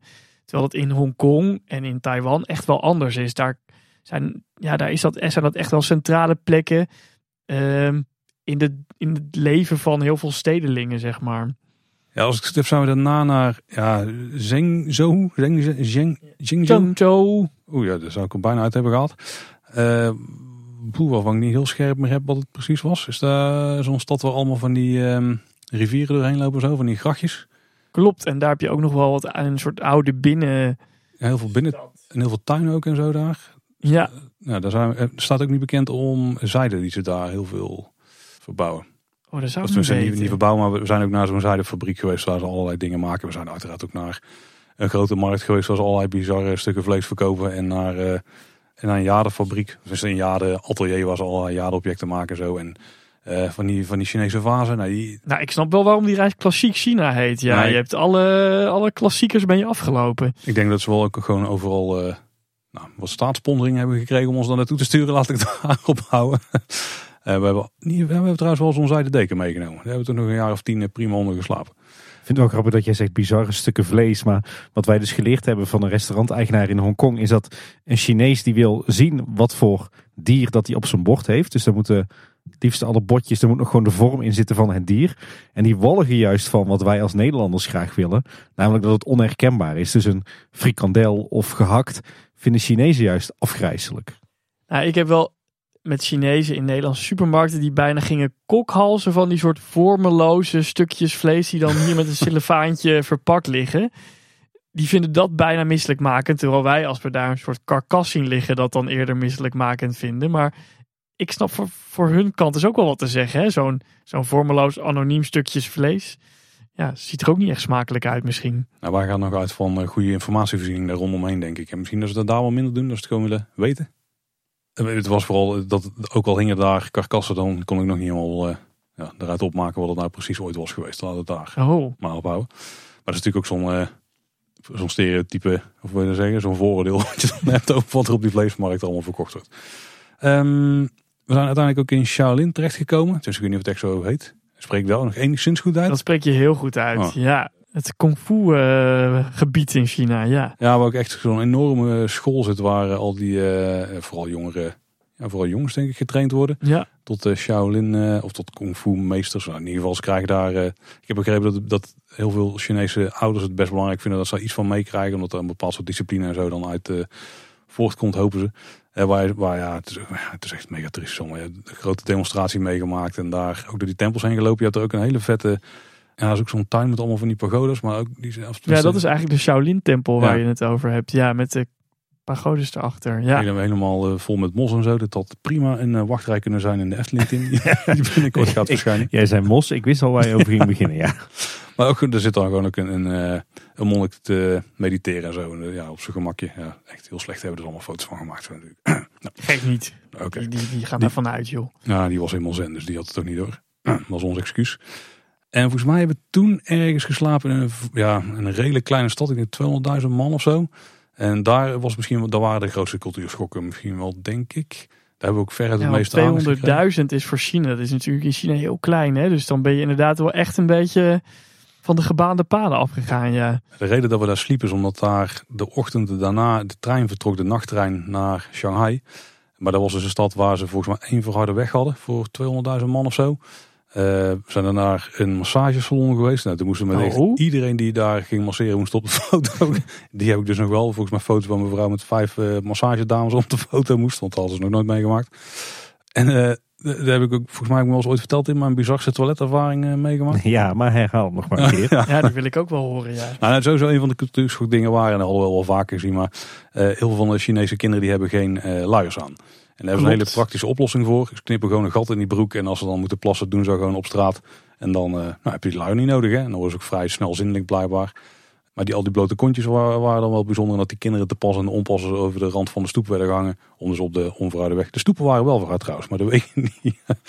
Dus dat viel daar in ieder geval heel erg op. Want daar was ve- veel meer dan in de steden natuurlijk. Precies, want dit wat jij nu noemt, als je nu naar Beijing of Shanghai gaat, dan zie je dat niet meer. Als je naar kleinere steden en inderdaad het binnenland, dan is dat nog wel een beetje de norm. Ja, ja.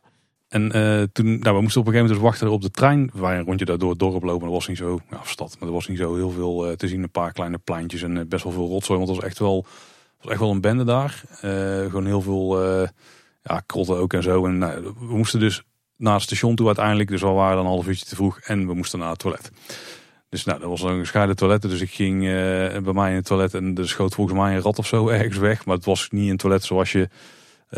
eh, zoals wij die kennen. Want je hebt, dan, je hebt in China, tenminste wij kwamen nog vrij veel van die gaten in de grond ook tegen. Weet je wel, van die Franse toiletten. Precies. Uh, ja. Wel ook hotels, dat had je dan, zeg maar in de lobby had je één toilet met pot. En dan vier met zo'n gat in de grond. Dus moet je altijd even goed kijken welke je het makkelijkst vond op welk moment.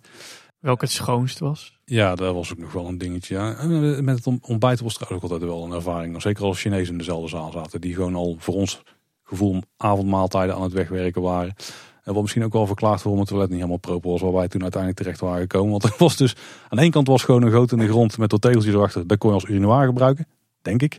En aan de andere kant stonden gewoon wat schotjes met uh, eigenlijk ook zo'nzelfde goot erin. En dan moest je jezelf dan maar een beetje boven... Als je, nou, als je dus uh, voor een nummer 2 moest gaan, moest je zelf dan een beetje boven uh, manoeuvreren. En dan hopen dat je hem op het goede plekje erin liet vallen. Dat vind ik toch jammer, Paul. Nou heet onze, onze hoofdpodcast heet Kleine Boodschap. En dan noem jij het de nummer 2. Ja, dit is toch podcast nummer 2 voor ons. ja. dus dat was, uh, dat was denk ik wel veruit het smerigste toilet dat ik heb gehad. Maar mijn vrouw die uh, maakte het nog mooier mee. Die liep daar dus ook het uh, toiletgebouwtje in.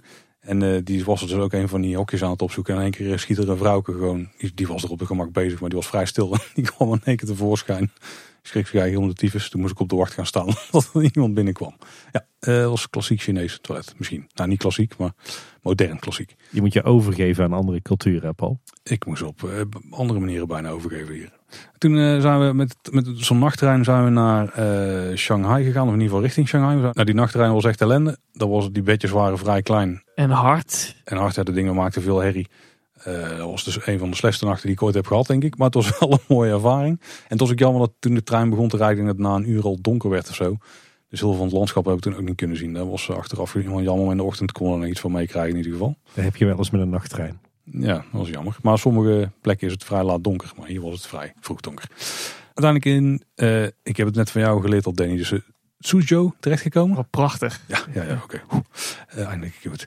We hebben het grootste klassieke Chinese tuinencomplex van de stad bezocht. Ik denk dat, dit, dat ik dit net in, door de war haalde met die andere stad die ik noemde. Met, Zhengzhou, ja, denk ja. het ook. Want Suzhou staat inderdaad bekend om, alle, om de Chinese tuinen die daar allemaal zijn. Ja, ja. ja. die hebben daar een, een, aantal gezien. Maar uiteindelijk toen terechtgekomen in de eindbestemming. Eh, Shanghai, ja, dat is ook gewoon tegenwoordig een mega moderne stad. Wat, wat ons daar enorm verrast, want daar hebben we eigenlijk alles zelfstandig gedaan. We zaten gewoon in een hotel vrij centraal kon te voet het centrum in, maar je kon, ja, met het OV was het ook allemaal prima te reizen. En was ook vrij begrijpbaar, was ook wat meer Engels volgens mm -hmm. mij. Want die waren zich aan het ja. voorbereiden toen voor de wereldtentoonstelling. Die was dan weer een oh, jaar ja, later precies. daarna. Dus die hadden al wat voorbereidingen getroffen. Maar je hebt daar midden in de stad, uh, of midden door de stad loopt het water. Uh, dat noemen ze de Boent volgens mij, als ik het goed heb. Ja, de kade langs het water met alle... En we hadden op een gegeven moment hadden wij bedacht, Hey, we moeten naar de andere kant van het water, want daar staan een paar hoge gebouwen, maar we willen zo'n gebouw in. We wisten niet of dat kon, want we hadden helemaal geen reisgids of zo, dus we dachten, dat gaan we gewoon proberen. En toen zijn we gaan kijken, hoe komen we aan de andere kant? En toen stond er dus, uh, hier moet je naartoe, om, de boent is één kant van, Klopt. van, van het water. Ja, Ja. Is, ja, ja. Je hebt de rivier, de Huangpu rivier, die loopt daar. En aan de ene kant heb je een soort oud Shanghai met de Bund, waar ook heel veel nog gebouwen uit de koloniale tijd eigenlijk eh, staan. Of nou ja, koloniale tijd. Shanghai is heel lang een soort concessiegebied geweest. Waar buitenlandse machten dan een soort stukje grond konden claimen. En aan de andere kant heb je nieuw Shanghai, waar al die hoge gebouwen Ja. staan. Nou, toen we wisten dus, we moeten naar de overkant toe, maar hoe komen we dan daar? We hadden geen idee. En op een gegeven moment vonden we een bordje van, oh, hier moet je naartoe. Of hier moet je met een roltrap naar beneden of zo. En dan komt dat goed. Nou, is goed. Als wij gaan naar beneden moesten we in één keer wel geld betalen. Ook helemaal heel weinig, een paar eh, euro omgerekend. Ja, het zal wel. We zien wel wat er gaat gebeuren. En toen werd er een of andere capsule geplaatst. En toen zijn we onder dat water doorgegaan. Terwijl er een of andere disco-show rondom ons Oh, dat plaats is stond. die tunnel, ja. Echt geen idee. Oh, dat is echt zo'n camptunnel. Ja, dat is echt Ja, dat was fantastisch. fout. Ja, dat was wel heel vet. En ook super onverwachts en daarom leuk. En toen aan de andere kant zijn we gewoon, eh, ja, echt enorm lief. Maar toen zijn we gewoon, eerst hebben we geprobeerd het allerhoogste gebouw op dat moment in te lopen. Dat, dat kon niet eens volgens mij. Dat was één groot kantorencomplex. Toen zijn we een andere, die stond er vrijwel naast terecht gekomen. En daar bleek je dus wel omhoog te kunnen. Dat was eh, een uitkijktoren en zo. En toen zijn we daar eerst naar de, ik weet niet, 50 of 60 verdieping gegaan. Dan kon je ook de lobby inkijken vanaf beneden. Was wel vet. En toen nog verder naar boven. En toen kon je ja, bijna op een van de hoogste verdiepingen kon je rondkijken. Konden ze ook het andere gebouw inkijken wat daarnaast stond. Er stond iemand zo'n vierkant gat bovenin. Ja, Ik weet niet. Ja. flessenopener noemen ze Ja, die. ja, dat is een hele goede manier om het te omschrijven. Dat was toen het hoogste gebouw in de stad. Maar volgens mij is het nu inmiddels Ja, door een er paar andere gebouwen. nog hoger. Ja. Volgens mij waren ze toen al bezig met eentje die hoger ging worden. Maar super vet uitzicht. En je hebt er ook zo'n bizarre tv-toren. Zo'n beetje de omgevallen versie van de Fernseer Turm. Zeg je het? Ferensee-touring, ja. Ja. Eh, die heeft ook een paar meer bolletjes erin zitten. Eh maakt hem wat dat betreft wat bijzonder.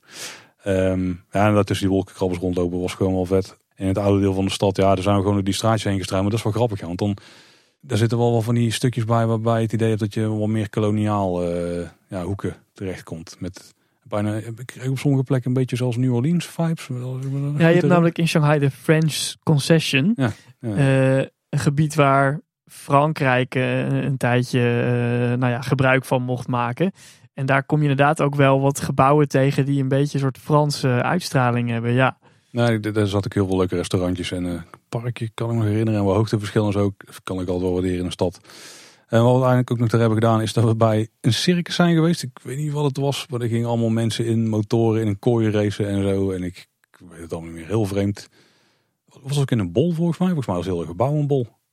maar dit, dit, dit klinkt wel als een typische China-ervaring. Ja, dat Ja. je dan ergens naartoe loopt, je denkt, wat is dit? Je gaat erin en is, gebeurt iets Nou, heel bizars. Ook een heel stel uh, steile tribune, kan ik me nog herinneren. Nou, dat, dat hebben we ook gedaan. Is ook echt een exportproduct. Hè? Want ik heb eh, volgens mij hebben, heeft in de Efteling een aantal keer eh, in de jaren negentig zo'n bol gestaan waarin dan door Chinese mensen met motoren, eh, met crossmotoren in werd gereden. Maar ik heb dit ook al in andere pretparken en steden gezien. Dus dit is echt zo'n typisch Chinees exportproduct. Het was één onderdeel van een show. het was misschien nog geen tien minuten denk ik in een show van een uur of zo. Misschien iets langer.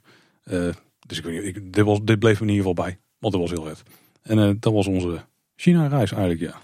Ja, en ondertussen ook nog heel veel andere kleine dingen gedaan. Maar ik ben al heel veel weer vergeten inmiddels. Ik kan aan jouw verhaal dus wel horen dat het echt 2009 is. Omdat een aantal dingen die jij beschrijft, hè, zoals zo van die eh, toiletten met heel weinig privacy, met eh, die kinderen met open broeken. Maar ook die treinen nog, die dan eh, nou, een beetje oncomfortabel zijn met harde kleine bedjes en zo. Dat is China van 15 jaar geleden. Dat is dus niet meer het China van nu. China-jaren, eh, één China-jaar zeggen ze wel eens, zijn 10 Nederland-jaren. Oké. Dus eh 15 jaar eh, geleden, zeg maar Nederland 150 jaar geleden. Want dat hele oude treinennetwerk, dat, dat noemden ze de Lupi-gootje, de groene treinen waren dat. Dat waren van die oude communistische treinen nog. Dat is er niet meer. Hm.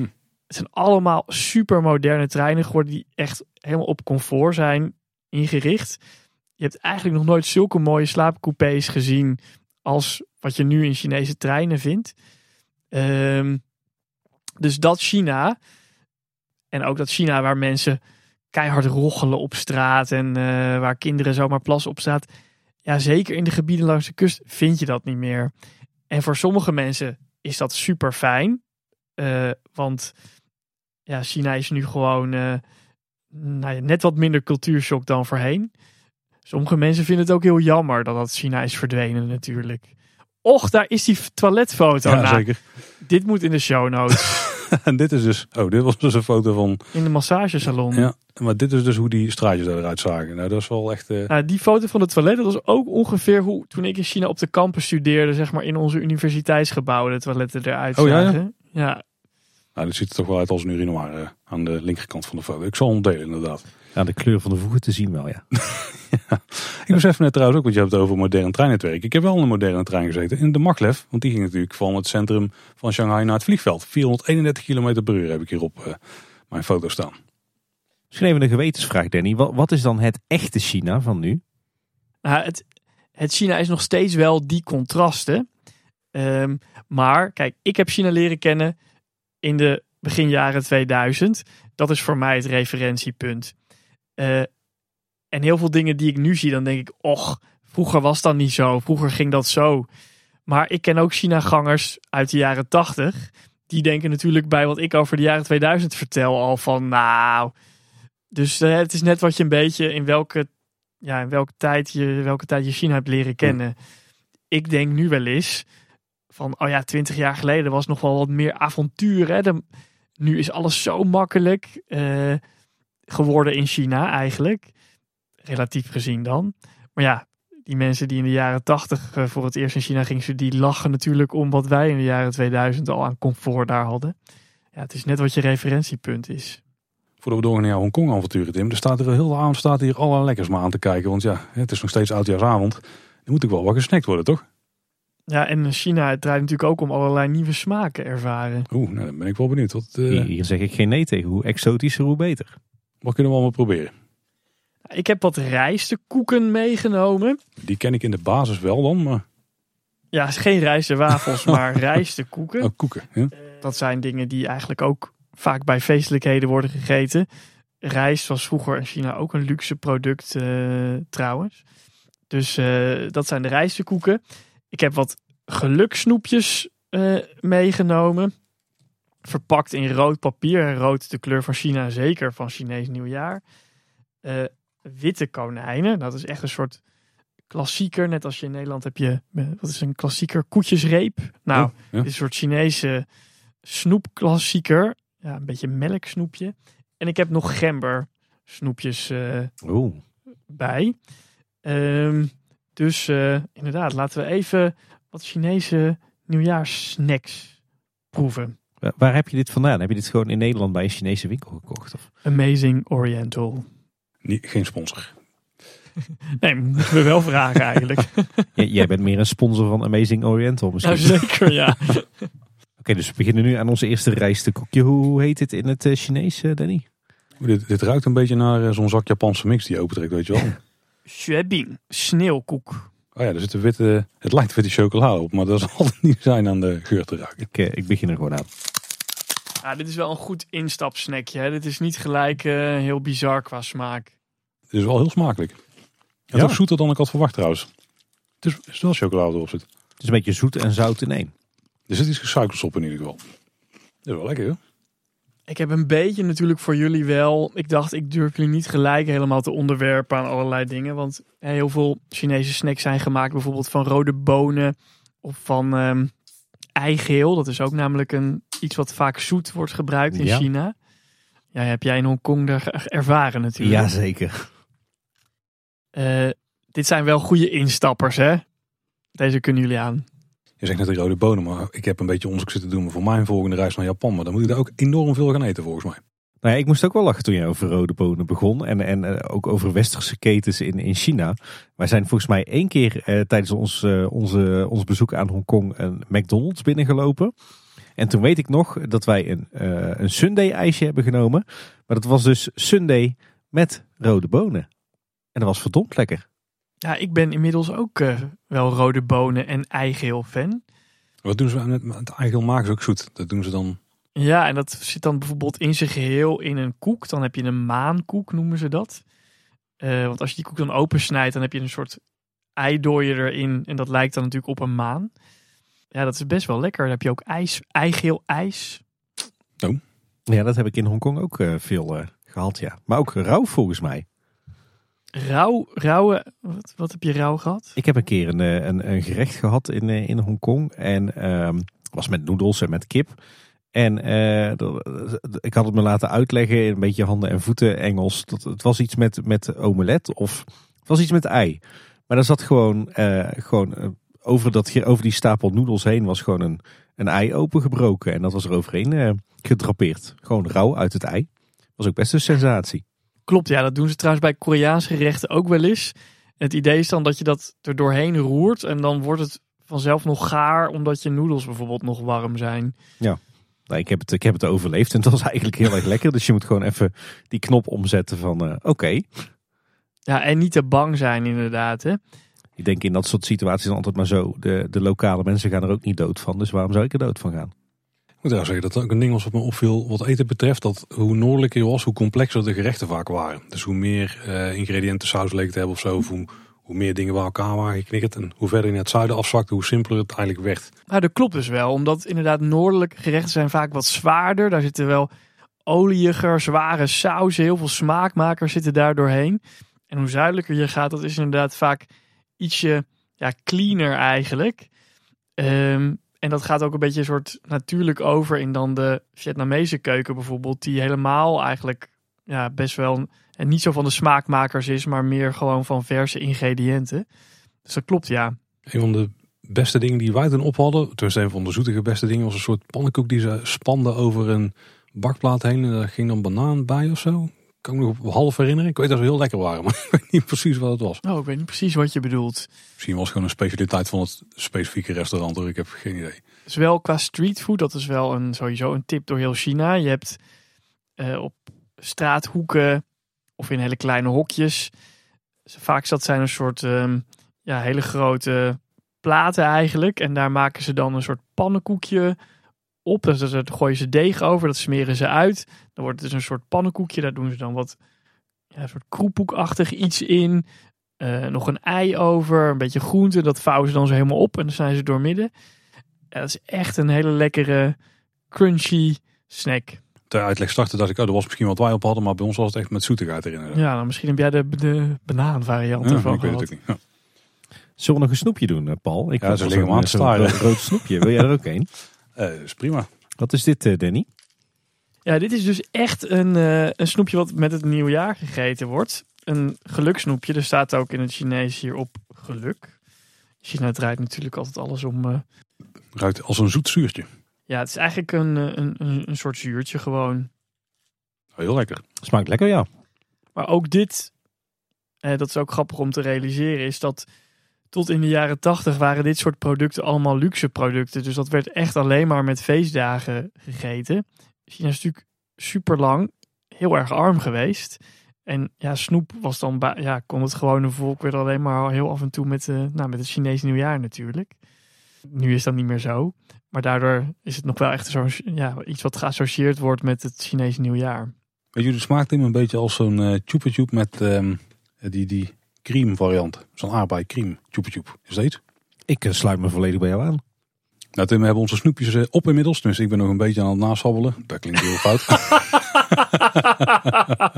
is het weer zo laat? Het, het is bijna jaarwisseling, hè? dus eh, we gaan richting middernacht. Nou ben ik toch wel benieuwd dat jij in het diepe zuiden van China hebt uitgespookt. Want ik denk dat grofweg de afstand tussen Beijing en Shanghai is ook ongeveer de afstand tussen eh, Hongkong en Shanghai, gok ik. Klopt. Ja, wij zijn dus inderdaad eh, naar, eh, naar Hongkong geweest. Een dag of, eh, of tien in totaal. Exclusief de reisdagen, denk ik, acht volle dagen in, in Hongkong geweest. Ja, wat ik al zei, Anne en ik hebben altijd een, een enorme fascinatie gehad voor, voor grote wereldsteden. Zeker als er een bijzonder verhaal aan kleeft. En dat bleek ook echt wel het geval te zijn bij Hongkong. Zowel in de voorbereiding tijdens het inlezen, maar zeker ook als je in de stad rondloopt. Want ja, je, bent, je hebt die stad echt niet in twee, drie dagen doorgrond. Absoluut niet. Dit is denk ik dit is zo'n bizarre mix van, van en het oude China, het nieuwe China en eh, het, het, het Britse Hongkong. Ja, de- deze stad heeft zoveel, zoveel facetten. Echt, eh, ja. Echt zoals ik al eerder zei, eh, dit was een enorm intense ervaring. Eh, en, en zonder twijfel een van onze meest memorabele reizen ooit. Ja, wij zijn naar Hongkong geweest in eh, januari 2016. Ik heb het even teruggezocht in mijn administratie. Het was ter voorbereiding op deze aflevering wel, wel fijn dat ik altijd alles zo goed bijhoud en opschrijf. Want ik moet zeggen, mijn geheugen liet me af en toe in de steek, maar mijn, mijn verhalen gelukkig niet. Het was bewust voor januari gekozen. Ja, volgens mij zijn wij net na de kerstvakantie gegaan. Volgens mij was het weer dan vrij, of zou het weer theoretisch gezien vrij aangenaam moeten zijn in, eh, in Hongkong. ja. ja. Eh, en, en we zaten net na het hoogseizoen, hè, want rond kerst moet je daar natuurlijk ook niet, eh, niet naartoe. En we hadden toen nog, eh, nog geen kinderen. Het was zelfs zo dat volgens mij twee weken na terugkeer van Hongkong dat, eh, dat Anne zwanger raakte. Dus eh, dit was onze allerlaatste reis voordat we kinderen kregen. Dat was een vruchtbare reis. Ja, ja, zeker. Was het zeker. het jaar van de draak? Nee, nee, dat niet. Nee, maar eh, ja, januari, ja, we, we hadden, nou, als we het dan toch over het weer hebben. ehm, we hadden denk ik een, een vrij aardige mix. Van de acht dagen waren er vier gewoon zonnig droog. En een graad of wat zal het zijn? 15 tot 20 denk ik. Hm. En eh, vier dagen eh, tropische regenval. Dus echt, eh, nou, wat zal het zijn? Eh, 20, 30, 40 mm regen op een dag. Nee, we hebben echt vier totaal verregende dagen gehad in Hongkong. Zodat de stad er dan goed op gebouwd is? Of, of ging je weer gewoon over op de klassieke Hinse attire om het vol te houden? Nou ja, Hongkong is er absoluut wel op gebouwd. Want het is natuurlijk een combinatie van, eh, eh, denk ik, eh, Chinese technologie en eh, Britse eh, gedegenheid, zeg maar. Paraplu eh, cultuur. Nee, nee, de stad is daar wel op berekend. Maar je, je, merkt, je merkt wel echt, Hongkong ligt echt in de tropen. Hè? Daar sta je niet bij stil. Want Ja. als je aan Hongkong denkt, dan zie je ook wolkenkrabbers voor je. Maar wij waren er al vrij snel achter dat, dat Hongkong... je zit echt gewoon in de tropen. Dus dat merk je wel. Je, je, loopt gewoon rond in tropisch regenwoud. En af en toe een plukje kantoren, zeg maar. Maar die, die vier dagen die verregend waren, ja, het was op zich... Omdat je dus in de tropen zit, was het warme regen, als het ware. En uh, ja, je kleed je er gewoon op en je gaat inderdaad uh, op pad uh, in, je, in je regenpak en je regelaars en er is niks aan de hand. Dus wij hebben acht heerlijke dagen gehad in, in Hongkong. ja, wat op zich wel tof was dus, is dat we na die ervaring in New York met dat, dat reisbureau, wat echt een verschrikking was, want en onze vlucht bleek overboekt en ze hadden het hotel niet goed geregeld. Dus alleen maar negatieve ervaringen. Dat we bij Hongkong weer zoiets hadden van, weet je wat, we, regelen het wel zelf. Um, dus Anne is, uh, is gewoon met, uh, met Booking.com op basis van recensies gaan kijken van wat zijn nou de goede hotels voor Westerlingen. Uiteindelijk één hotel uitgekozen. Niet via Booking geboekt, maar we zijn gewoon naar de website gegaan. En we hebben gewoon via e-mail contact gelegd met dat hotel. En konden op die manier boeken. Dus dat was echt, echt ideaal. En gewoon vliegtickets bij de KLM geboekt. En um, nou ja, ook eigenlijk in de voorbereiding al een beetje bekeken van wat willen we nou per se gaan zien. Uh, ik geloof dat ik twee of drie reisgidsjes had, had aangeschaft. Maar uiteindelijk eigenlijk maar aan één reisgids echt wat gehad. En dat is de Lonely Planet Pocket Guide. Heel klein reisgidsje, maar die, ja, waar die andere reisgidsen toch allemaal een beetje een belegen blik op Hongkong gaven, was dit gewoon wat moderner, wat alternatiever, wat meer geschreven voor jeugdige mensen. Dus daar hebben we van tevoren wel een aardig verlanglijstje mee kunnen maken. En toen zijn we op het vliegtuig gestapt en, en naar Hongkong gevlogen. En als je het dan over cultuurshock hebt, dan hadden wij die wel eentje. Want we zijn natuurlijk geland op de luchthaven van Hongkong. Nou, dan is er niks aan de hand. Uh, nou, de, het openbaar vervoer in Hongkong is subliem. Dus ook weer die mix van het Britse en het Chinese. Ze hebben een fantastisch metronetwerk daar uh, bijvoorbeeld. Dus wij zijn op de luchthaven in de metro gestapt. Hypermoderne rijtuigen. de stad in, in gezoefd. een keer ergens overgestapt op het Centraal Station. Eh, in een andere metro. En het gekke is nog, ik weet nog heel goed dat als je naar de website van het hotel ging, dan stond er, uh, we liggen tussen metrostation Wan Chai en Causeway Bay, maar je moet echt uitstappen op Causeway Bay. En ik had op Google Maps zitten turen en ik denk, wat is dit nou voor flauwekul? Wan Chai ligt veel dichterbij, weet je wat, zoek het maar uit, wij stappen gewoon uit op Wan Chai. En ik weet dat wij boven komen in hartje Hongkong. Het ligt op, op Hongkong Island, uh, de wijk waar ons hotel zat. En ik kom boven en we staan aan een, ineens aan een mega druk kruispunt. Aan alle kanten omgeven door wolkenkrabbers. Enorm veel verkeer op straat, toeterende auto's, dubbeldek trams. Wat ook een hele rare mix is van Londen en, en, en, en Hongkong. overal stalletjes met, met, met rare geuren. We moesten daarna naar ons hotel via zo'n street market, weet je wel. Met slangen, soep en weet ik het allemaal.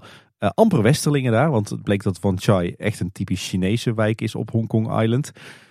Terwijl Causeway Bay, het metrostation waar we eigenlijk uh, wat men aanraden om uit te stappen, dat was een typisch Britse wijk. Dus wij waren met onze koffertjes en onze Nederlandse koppen ineens terechtgekomen midden in een, ja, een totaal chaotische, overbevolkte Chinese wijk midden op Hong Kong uh, Island. Dus dat was, ja, wij kwamen boven en wij stonden daar op, dat, op die kruising en we dachten echt, waar zijn we in vredesnaam aan begonnen? Waar is de metro terug naar Nederland of terug naar het vliegveld? Uh, maar goed, dat heb, na een paar, uh, paar uur dan ben je daar wel overheen, over die cultuurshock. Maar we zaten er ineens echt middenin. Maar je bent dus met de metro teruggegaan of hebben jullie toch de barretocht gewaagd? nee, nee, nee, nee. We, hebben de, we zijn daarna te voet via die street oh. market met, uh, met allerlei soorten uh, dieren en, uh, en, en vissen en zeebanket wat ter plekke werd geslacht. Zijn we inderdaad naar ons hotel gelopen, wat op zich een, een, een, prima hotel was.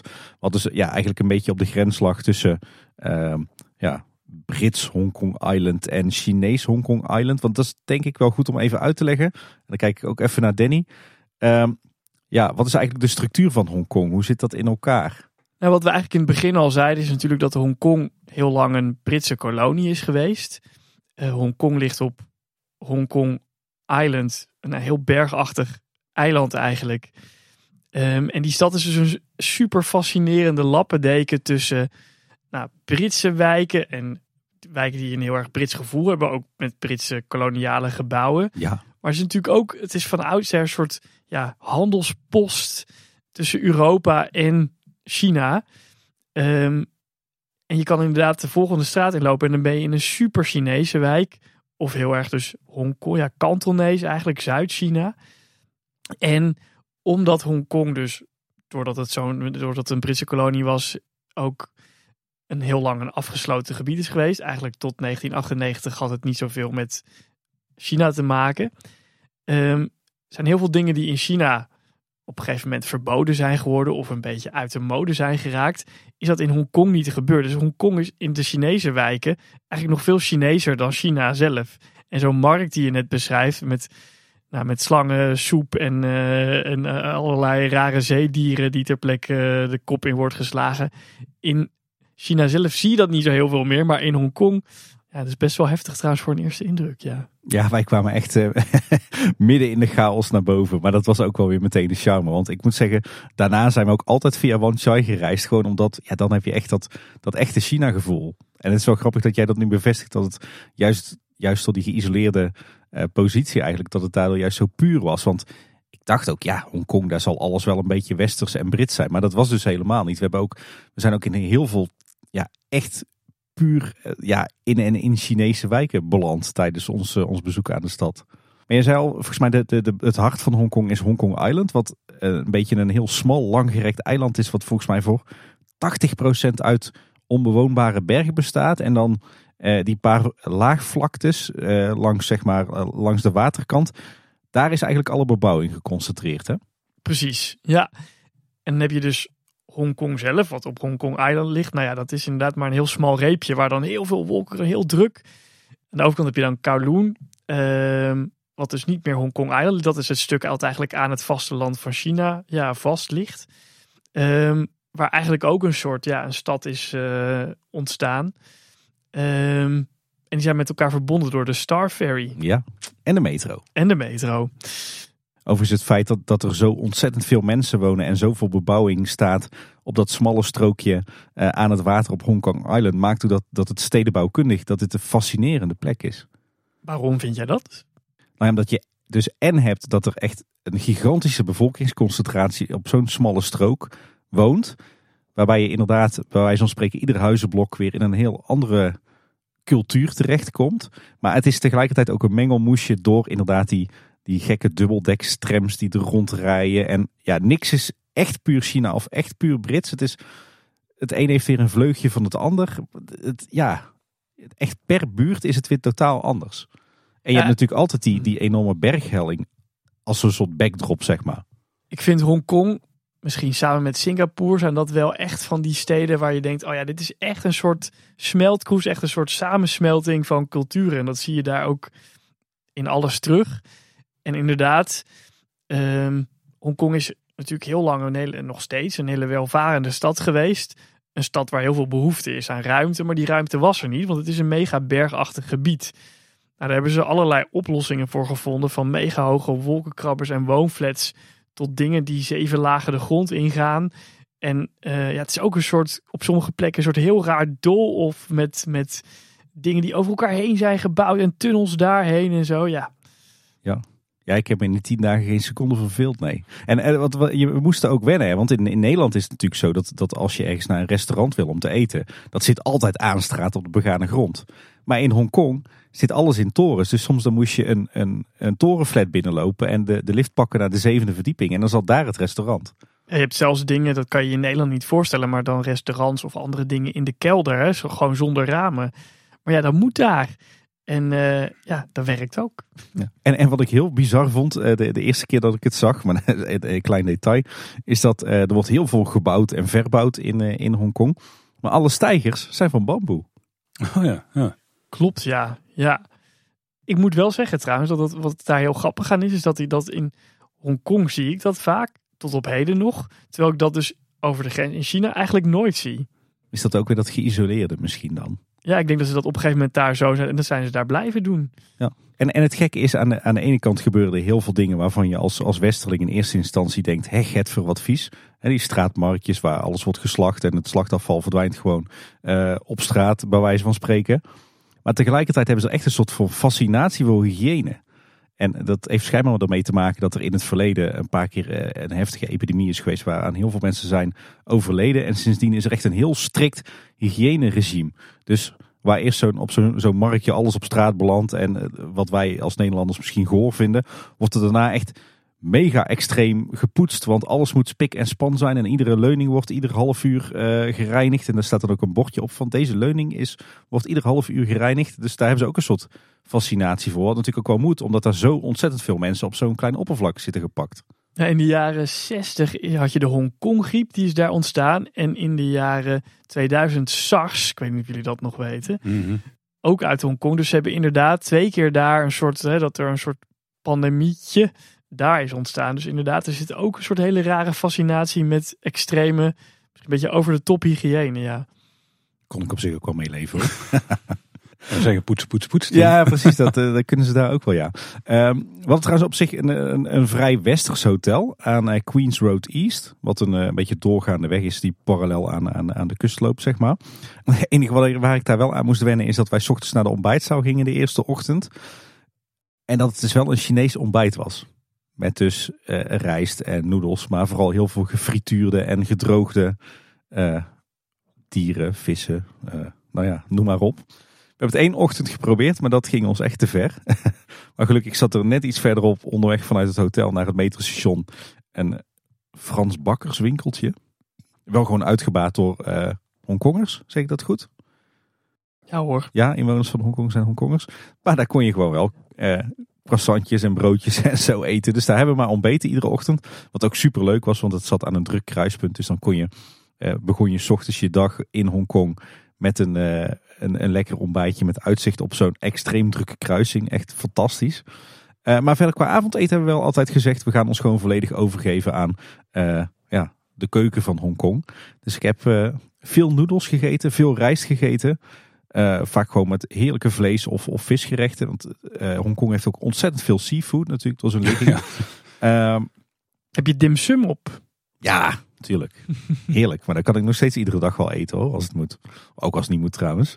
Eh, En, en af en toe iets bijzonders. Hè. Inderdaad, je, ja, wa- wat ik zeg, zeker als je een kipgerecht eet in Hongkong, dan zie je daar gewoon nog de kip in. Dan heb je eigenlijk gewoon een kip op je bord liggen waar de veren zijn uitgetrokken en hij is gebraden. Maar voor de rest is het nog gewoon, is de kip nog intact. En die wordt dan met een beetje geluk in stukken gehakt. Maar voor de rest moet je hem zelf een beetje leeg peuteren. Nou ja, Geldt ook voor vis trouwens. Hè? Dan krijg je eigenlijk ook altijd gewoon de hele vis. Eh, of in ieder geval dat je nog kan herkennen welk deel van de vis het is. Ja. ja, en vaak ook op vismarkten. Alles leeft daar nog. Allemaal van die plastic bakken met daarin allerlei schelp- en schaaldieren die wij hier in Europa helemaal niet kennen. En als je die dan bestelt, dan pakken ze hem uit die bakken. Dan hakken ze daar ter plekke de kop eraf. En eh, nou, heb je je verse vis. Verser dan dat kan natuurlijk niet. Ik moet zeggen dat de, de sushi van eh zeekomkommer, urchin, die vond ik wel een, eh, een heftige. Die was vrij slijmerig. En ja, dat rauwe ei over je noedelgerecht vond ik ook wel even schakelen. Maar ik heb eigenlijk altijd in Hongkong bijzonder goed gegeten. En het leuke was, wij eh, hadden op een gegeven moment een heel tof restaurant gevonden. Je hebt eh, in het eh, hartje Hongkong Island heb je de IFC Towers. Volgens mij International Financial Center of zo. En in IFC 2 zit ook een, een soort overdekt winkelcentrum. En daar vonden we een enorm restaurant. Dat bleek een soort keten te zijn van zes of zeven restaurants die werden uitgebaat door één familie. Ehm, en dat waren vrij chique restaurants, maar die waren echt gewoon puur voor de locals, voor de Chinese locals. Dus er was niks westers aan. Maar het was ja, eigenlijk super deluxe. Kostte, kostte geen knaak, maar het was super deluxe met een prachtige kaart met allemaal gewoon echt Chinese Hongkongse gerechten. En ik weet nog dat we daar voor de eerste keer binnenliepen, omdat het ons aansprak. Dat we dachten van nou, dit is, dit is echt, dit is authentiek Chinees eten. En dan ik rondkeek in het restaurant en dat er alleen maar Chinezen zaten. Allemaal netjes in pak en nette, nette jurk. En allemaal mensen die echt netjes uit eten waren. En wij waren de enige westerlingen. En we kwamen dan natuurlijk aan in onze regenjas en met onze outdoor rugzak. Maar we werden echt compleet in de watten gelegd. Zo van, oh dit zijn de eerste westerlingen die hier durven te eten. Uh, en uiteindelijk zijn we denk ik ook een keer of vier, vijf in dat restaurant terug geweest. Omdat ja, als ze je eenmaal kennen, ja, wat je al zei uh, uh, Danny. Ja, je wordt zo in de watten gelegd. En uh, oh, kom maar mee, hier heb je het mooiste tafeltje. En heb je dit al geproefd? Heb je dit al geprobeerd? En ze merkte op een gegeven moment ook wel dat wij ervoor open stonden. Uh, dus dat was echt, echt fantastisch. Ja, ik vind dat wel heel leuk. En dat is in Hongkong zo. En in de rest van China ook zo. Dat als jij ehm, de stap zet uh, om uit je comfortzone te gaan, dan wordt er vaak ook beloond. Dus dan uh, kom je op een plek en zijn ze super blij dat je er bent. Of dan vinden ze het heel erg leuk dat, dat jij dat komt bekijken. Ja, dan word je inderdaad een beetje in de watten gelegd. Ja, dat is wel heel tof, ja. Ja, en dan leer je ook van die gebruiken van dat er ook altijd staat dat kommetje op tafel. En daar zit thee in. Uh, maar op de een of andere manier, die mag niet leeg worden tijdens jouw maaltijd. Want echt zodra je maar twee slokken uit het kommetje hebt genomen tijdens je maaltijd, dan komen ze weer langs met een grote theepot om je bij te schenken. Zo moet je hem dan je dat ook geleerd? Nee, dat is me niet geleerd. Nou ja, dat is dat als je wil dat ze dan komen bijschenken en hebben die niet door, dan moet je dat dingetje zo leggen. Nou, voor de volgende keer. Het dekseltje van de precies. thee kan dus op zijn kantje erin leggen. Oké. Ik zal, ik zal trouwens nog eens mijn best doen om de, de, de restaurantketen eh, terug te vinden. Ik, ik kon hem nu zo snel niet vinden op Google. Maar hij zit in ieder geval in eh, IFC 2. Ja, en wat hebben we allemaal gedaan in, eh, in Hongkong? Uh, nou ja, de eerste dag die ging natuurlijk verloren aan de vlucht. De tweede dag kwamen we eigenlijk halverwege de dag aan. Uh, uiteindelijk dus uh, bovengronds uh, bij metrostation Wan Chai. Ik kan het iedereen aanraden die een intense cultuurshock wil, want die krijg je daar echt. En wat we toen hebben gedaan, toen, toen zijn we naar ons hotel gelopen, ingecheckt. ehm, even een momentje genomen van rust van dat we echt elkaar aankeken op het dakterras van het hotel van... Waar zijn we aan begonnen en kunnen we terug? Nee, we gaan er gewoon voor. We gaan het ervaren. We gaan het ondergaan. Want ja, alles deden we dus ook echt gewoon met z'n tweeën en een reisgidsje en een kaart. En dat was het. Want ja, 2016, ja, je had al wel mobiele telefoon, maar volgens mij hadden we daar ook geen data op dat moment. Dus je kon ook niet internetten, je had ook geen Google of zo. Dus het was gewoon allemaal uh, ouderwets op de hand. En uh, wat we volgens mij die, die, die eerste volle dag uh, in Hongkong s'avonds nog hebben gedaan, is dat we de metro hebben gepakt naar Kowloon. Het stukje Hongkong aan mainland China. en daar zijn we op de boulevard gaan staan. Waarom? Nou ja, een van de, denk ik, de tourist trap van Hongkong wel is uh, A Symphony of Lights. Wat gebeurt er dan? Vanuit Kowloon kun je over het water naar Hongkong Island kijken. En uh, aan de voet van Hongkong Island heb je een heel aantal wolkenkrabbels op een rij staan. Uh, en dan wordt iedere avond een lichtshow gespeeld. Denk als je Hongkong googelt, dan heb je vrij snel ook wel een foto of een video daarvan te pakken. En hebben ze eigenlijk een hele lichtshow voor uitgevonden op muziek, die je ook kunt horen op de boulevard. En ja, het, is een toeristtrap, maar je wilt hem wel gezien hebben. En het is stiekem best wel indrukwekkend om uh, het uh, waterfront front van, van Hongkong Island te zien. Met, met al die wolkenkrabbers en daarachter die, die hoge bergketen. Overigens wel goed om nog even te zeggen is dat jullie vertelden beide, jij ook over van nou ja, misschien was dat wel een tourist trap en jij ook met Symphony of Lights. Maar bij tourist trap denk je vaak van oh, er is dan iets waar westerse toeristen dan iets voorgeschoteld krijgen wat dan een beetje neppig is of zo.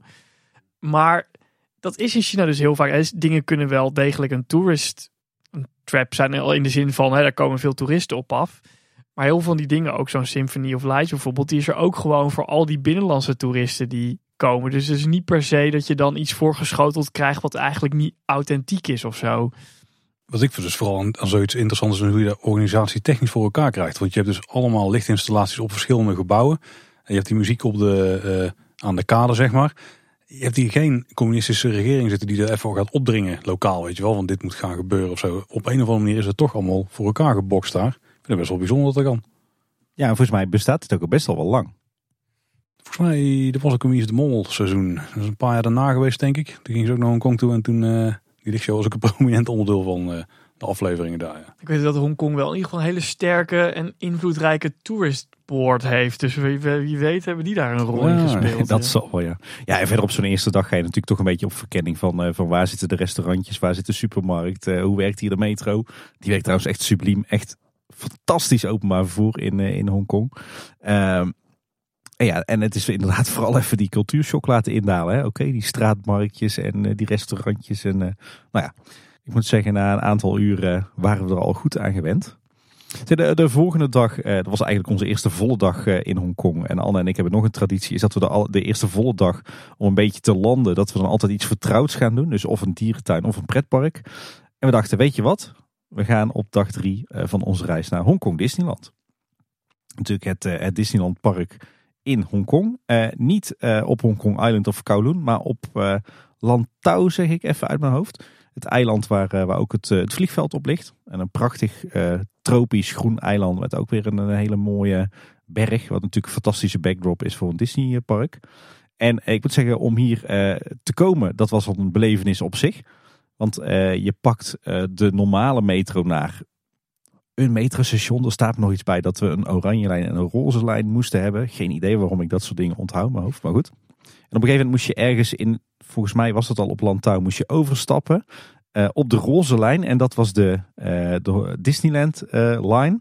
En de metro treinstellen, die hadden dus gewoon Mickey hoofdjes als ramen. Ja, dat klopt ja. En je hebt ook gelijk dat het de roze lijn is. Yes. Goed onthouden. Staat ook niet in het draaiboek, dus dat komt ineens allemaal bovendrijven. Maar die, die hele metrolijn die was eigenlijk al, al ja, een beetje lichtjes gethematiseerd naar Disney. Ook de, de stations eh, hebben een beetje een uh, ja, beetje klassicistisch uiterlijk als het ware. En dan pak je dus gewoon de metro naar uh, Hongkong Disneyland. Dan kom je aan op het metrostation van Hongkong Disneyland. Wat nou ook prima in een soort Main Street zou passen qua, qua ontwerp. En dan heb je een, een korte wandeling over een, een promenade met palmen. Want ja, Hongkong is tropisch. En dan loop je zo Hongkong Disneyland in. En ik moet zeggen, ik heb een, wij hebben een bijzonder goede dag gehad in Hongkong Disneyland. Het is echt een klassiek kasteelpark met toen de tijd nog een heel klein kasteeltje. Uh, wat ooit ook heel klein is begonnen, volgens mij maar met drie landen. Dat bleek veel te klein qua capaciteit, dus dat hebben ze daarna uitgebreid met een aantal themadelen met hele gave attracties. Waarover later meer. Maar wat ik me nog vooral weet te herinneren van Hongkong Disneyland is dat het en een soort westerse enclave was in Hongkong. Hongkong is natuurlijk al een beetje westers, maar dit was echt, als je hier binnen was, ja, het voelde bijna een soort Amerikaans Disney. En groen. Het is echt een ontzettend groen uh, Disneypark. Met name natuurlijk vanwege alle natuur om het park heen. Maar dat, ja, dat is echt de perfecte achtergrond voor, jou, voor jouw park. Ja, en verder is het een heel schattig parkje. Het was er niet druk. Het was relatief klein. Uh, er hing echt een hele prettige, ja, hoe moet ik dat zeggen? Uh, Gemoedelijk. Ja, er hing echt een hele prettige, gemoedelijke sfeer. Niet die hectiek die je in veel andere Disneyparken hebt. Hè. Niet allerlei spannende reserveringssystemen of zo. Het was gewoon een klassiek dagje pretpark in een Disneypark. Met als bonus nog dat je overal heerlijk Chinees kon eten. En natuurlijk een aantal hele vette rides die je verder nergens hebt. Zoals, gaan we toch maar weer ingooien, een Mystic Manor. ja, ja. Maar ik vond ook bijvoorbeeld een Big Grizzly Mountain. Eh, hun variant van de Big Thunder Mountain vond ik ook echt ontzettend gaaf. Maar het was vooral een heel schattig, prettig ja, aangenaam parkje. Ik weet niet wat jouw ervaringen daarmee zijn, eh, Danny. Ik denk dat jij mijn gevoel over Hongkong helemaal, heel, helemaal goed hebt omschreven. Want het is, het is een beetje of je naar een soort afgelegen verborgen paradijsje gaat of zo. Want die, ja. die je noemde het metrolijn, maar het is eigenlijk natuurlijk bovengronds dat stuk naar. Uh, dus je, gaat, je ziet een beetje de zee, je ziet de bergen. Dan op een gegeven moment kom je in een soort vallei. Nou, daar is dat metrostation. Dan loop je over een groene promenade naar dat park toe, waar je de hele tijd natuurlijk ook bergen ziet. Dus het voelt heel sprookjesachtig, het voelt heel magisch, het voelt heel anders dan andere Disneyparken, waar vaak toch hele grote industriecomplexen-achtig gevoel zo omheen ligt. Het, het, voelt op de een of andere manier ook heel erg organisch gegroeid. Ja, ja, precies. Ik denk dat dat het misschien is. Ja, en het is inderdaad een park met een binnenring en een soort buitenring. En die binnenring was dan het oorspronkelijke Hongkong Disneyland, dat een beetje klein bemeten is. En toen hebben ze een soort buitenring omheen aangelegd met fantastische attracties, zoals die uh, Grizzly Mountain en die en Mystic Manor natuurlijk. Wat een van de weinige attracties is waar ik echt ooit kippenvel van heb gehad. En nu dus Frozen, maar ja, dat hebben we nog niet gezien. Nee, en ik ken dus ook niet het, uh, het nieuwe vergrote kasteel. We moeten nog even een uitnodiging van uh, Michel en Dulk afwachten. Volgens mij nog een eh, weetje over dit park is dat het het enige Disney kasteelpark is ter wereld waarbij de, het kasteel niet aan de noordkant van de entree bevindt, zeg maar. Maar dat de oriëntatie van uh, oost naar west is. Vanwege feng shui? Zo, dat, dat, weet ik eigenlijk niet precies. Volgens mij heeft het ook te maken met die achtergrond met die bergen. Nee, want die is trouwens ook gunstig daar. Oké, ik moet mezelf wel verbeteren. Het ligt inderdaad van oost naar west. Uh, dus de voorkant van de kasteel, daar kijk je van het oosten tegenaan. Maar bij Tokyo Disneyland, dan loop je aan de noordkant het park binnen. Terwijl je eigenlijk bij alle andere Disneyparken, Disney kasteelparken aan het zuiden het park betreedt.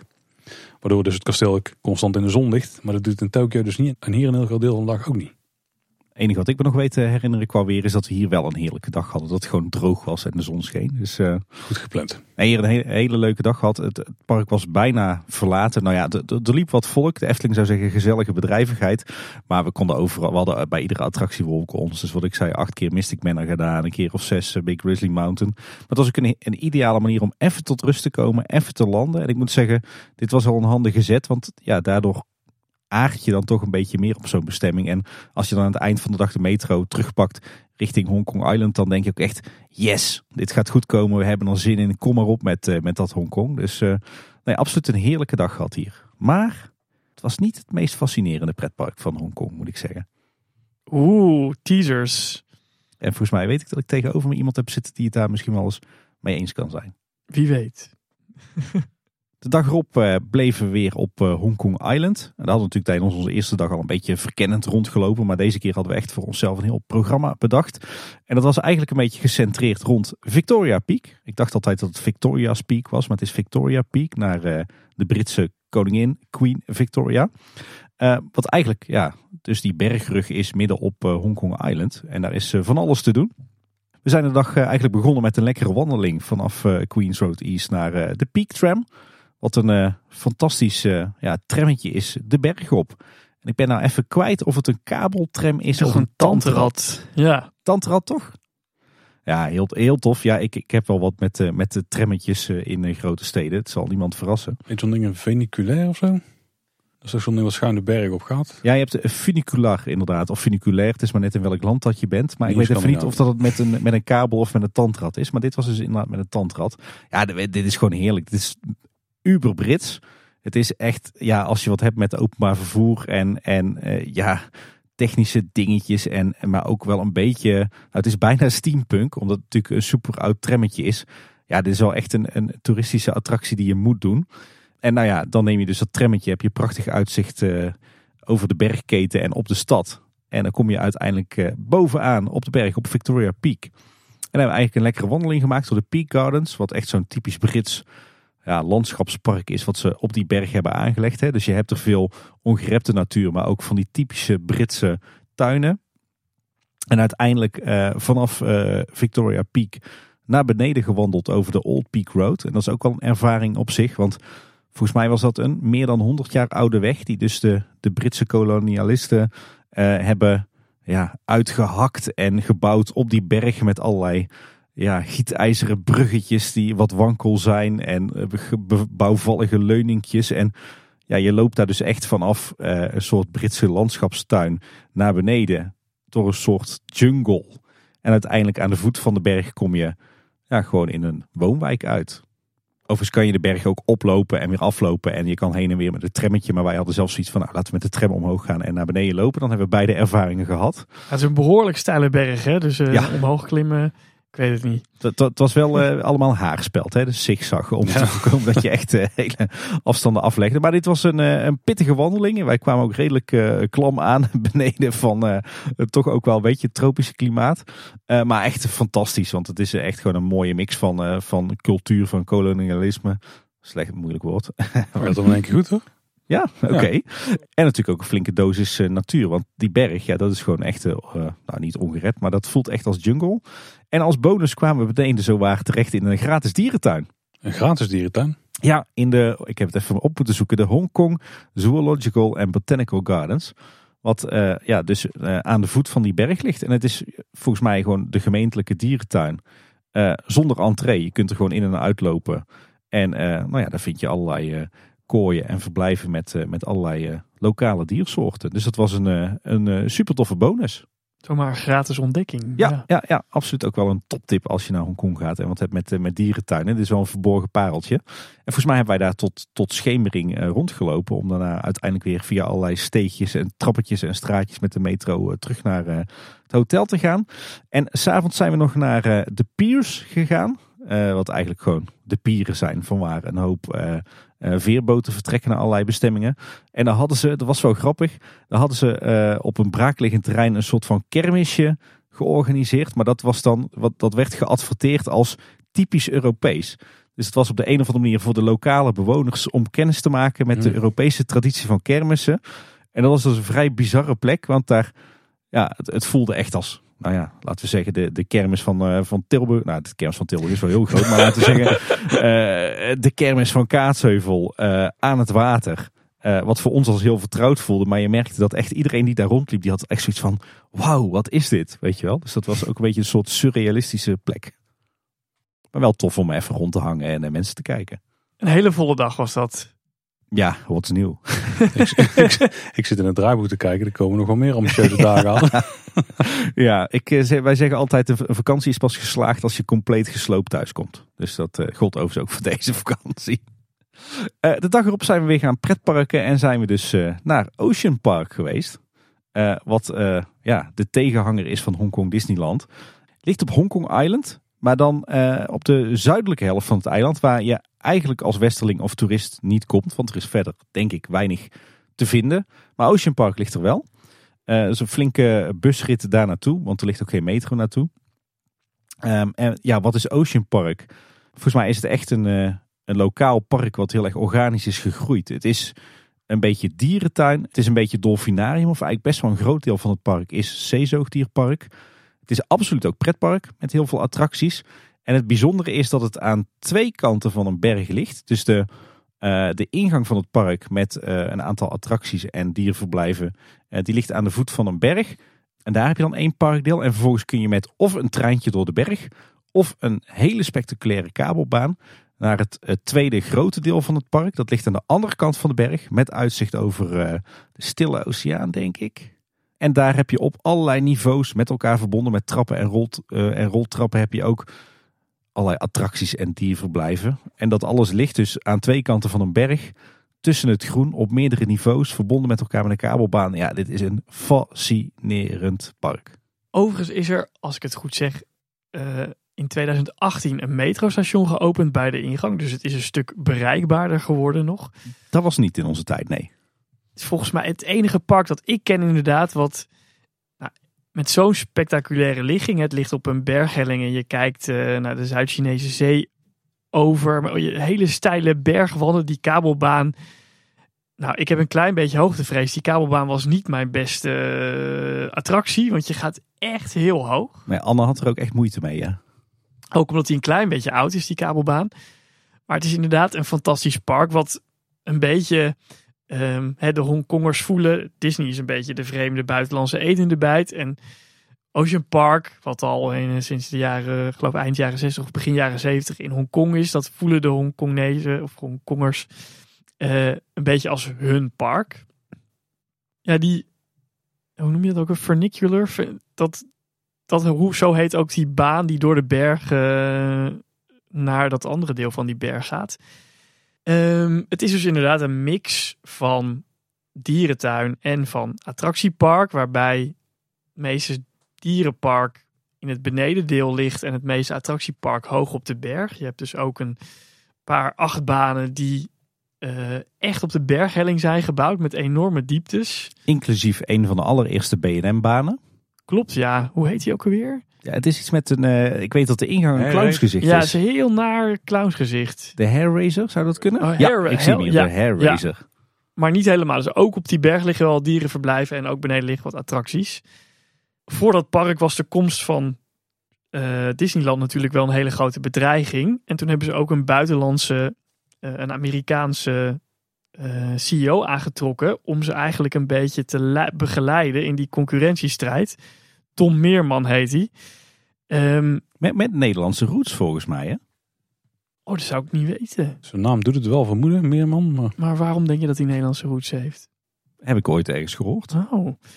En die heeft er eigenlijk uh, door allerlei slimme keuzes voor gezorgd dat um, ja, niet alleen hè, ze de komst van Disney overleefd hebben, maar dat ze eigenlijk ook succesvoller zijn geworden. En heel veel jaren ook qua bezoekersaantallen Hongkong Disneyland uh, overstegen. En die heeft daar een boek over geschreven. Taming the Mouse heet Oh. het. Het temmen van de muis. Oh, wat gaaf. Oh, die moet dadelijk even opschrijven.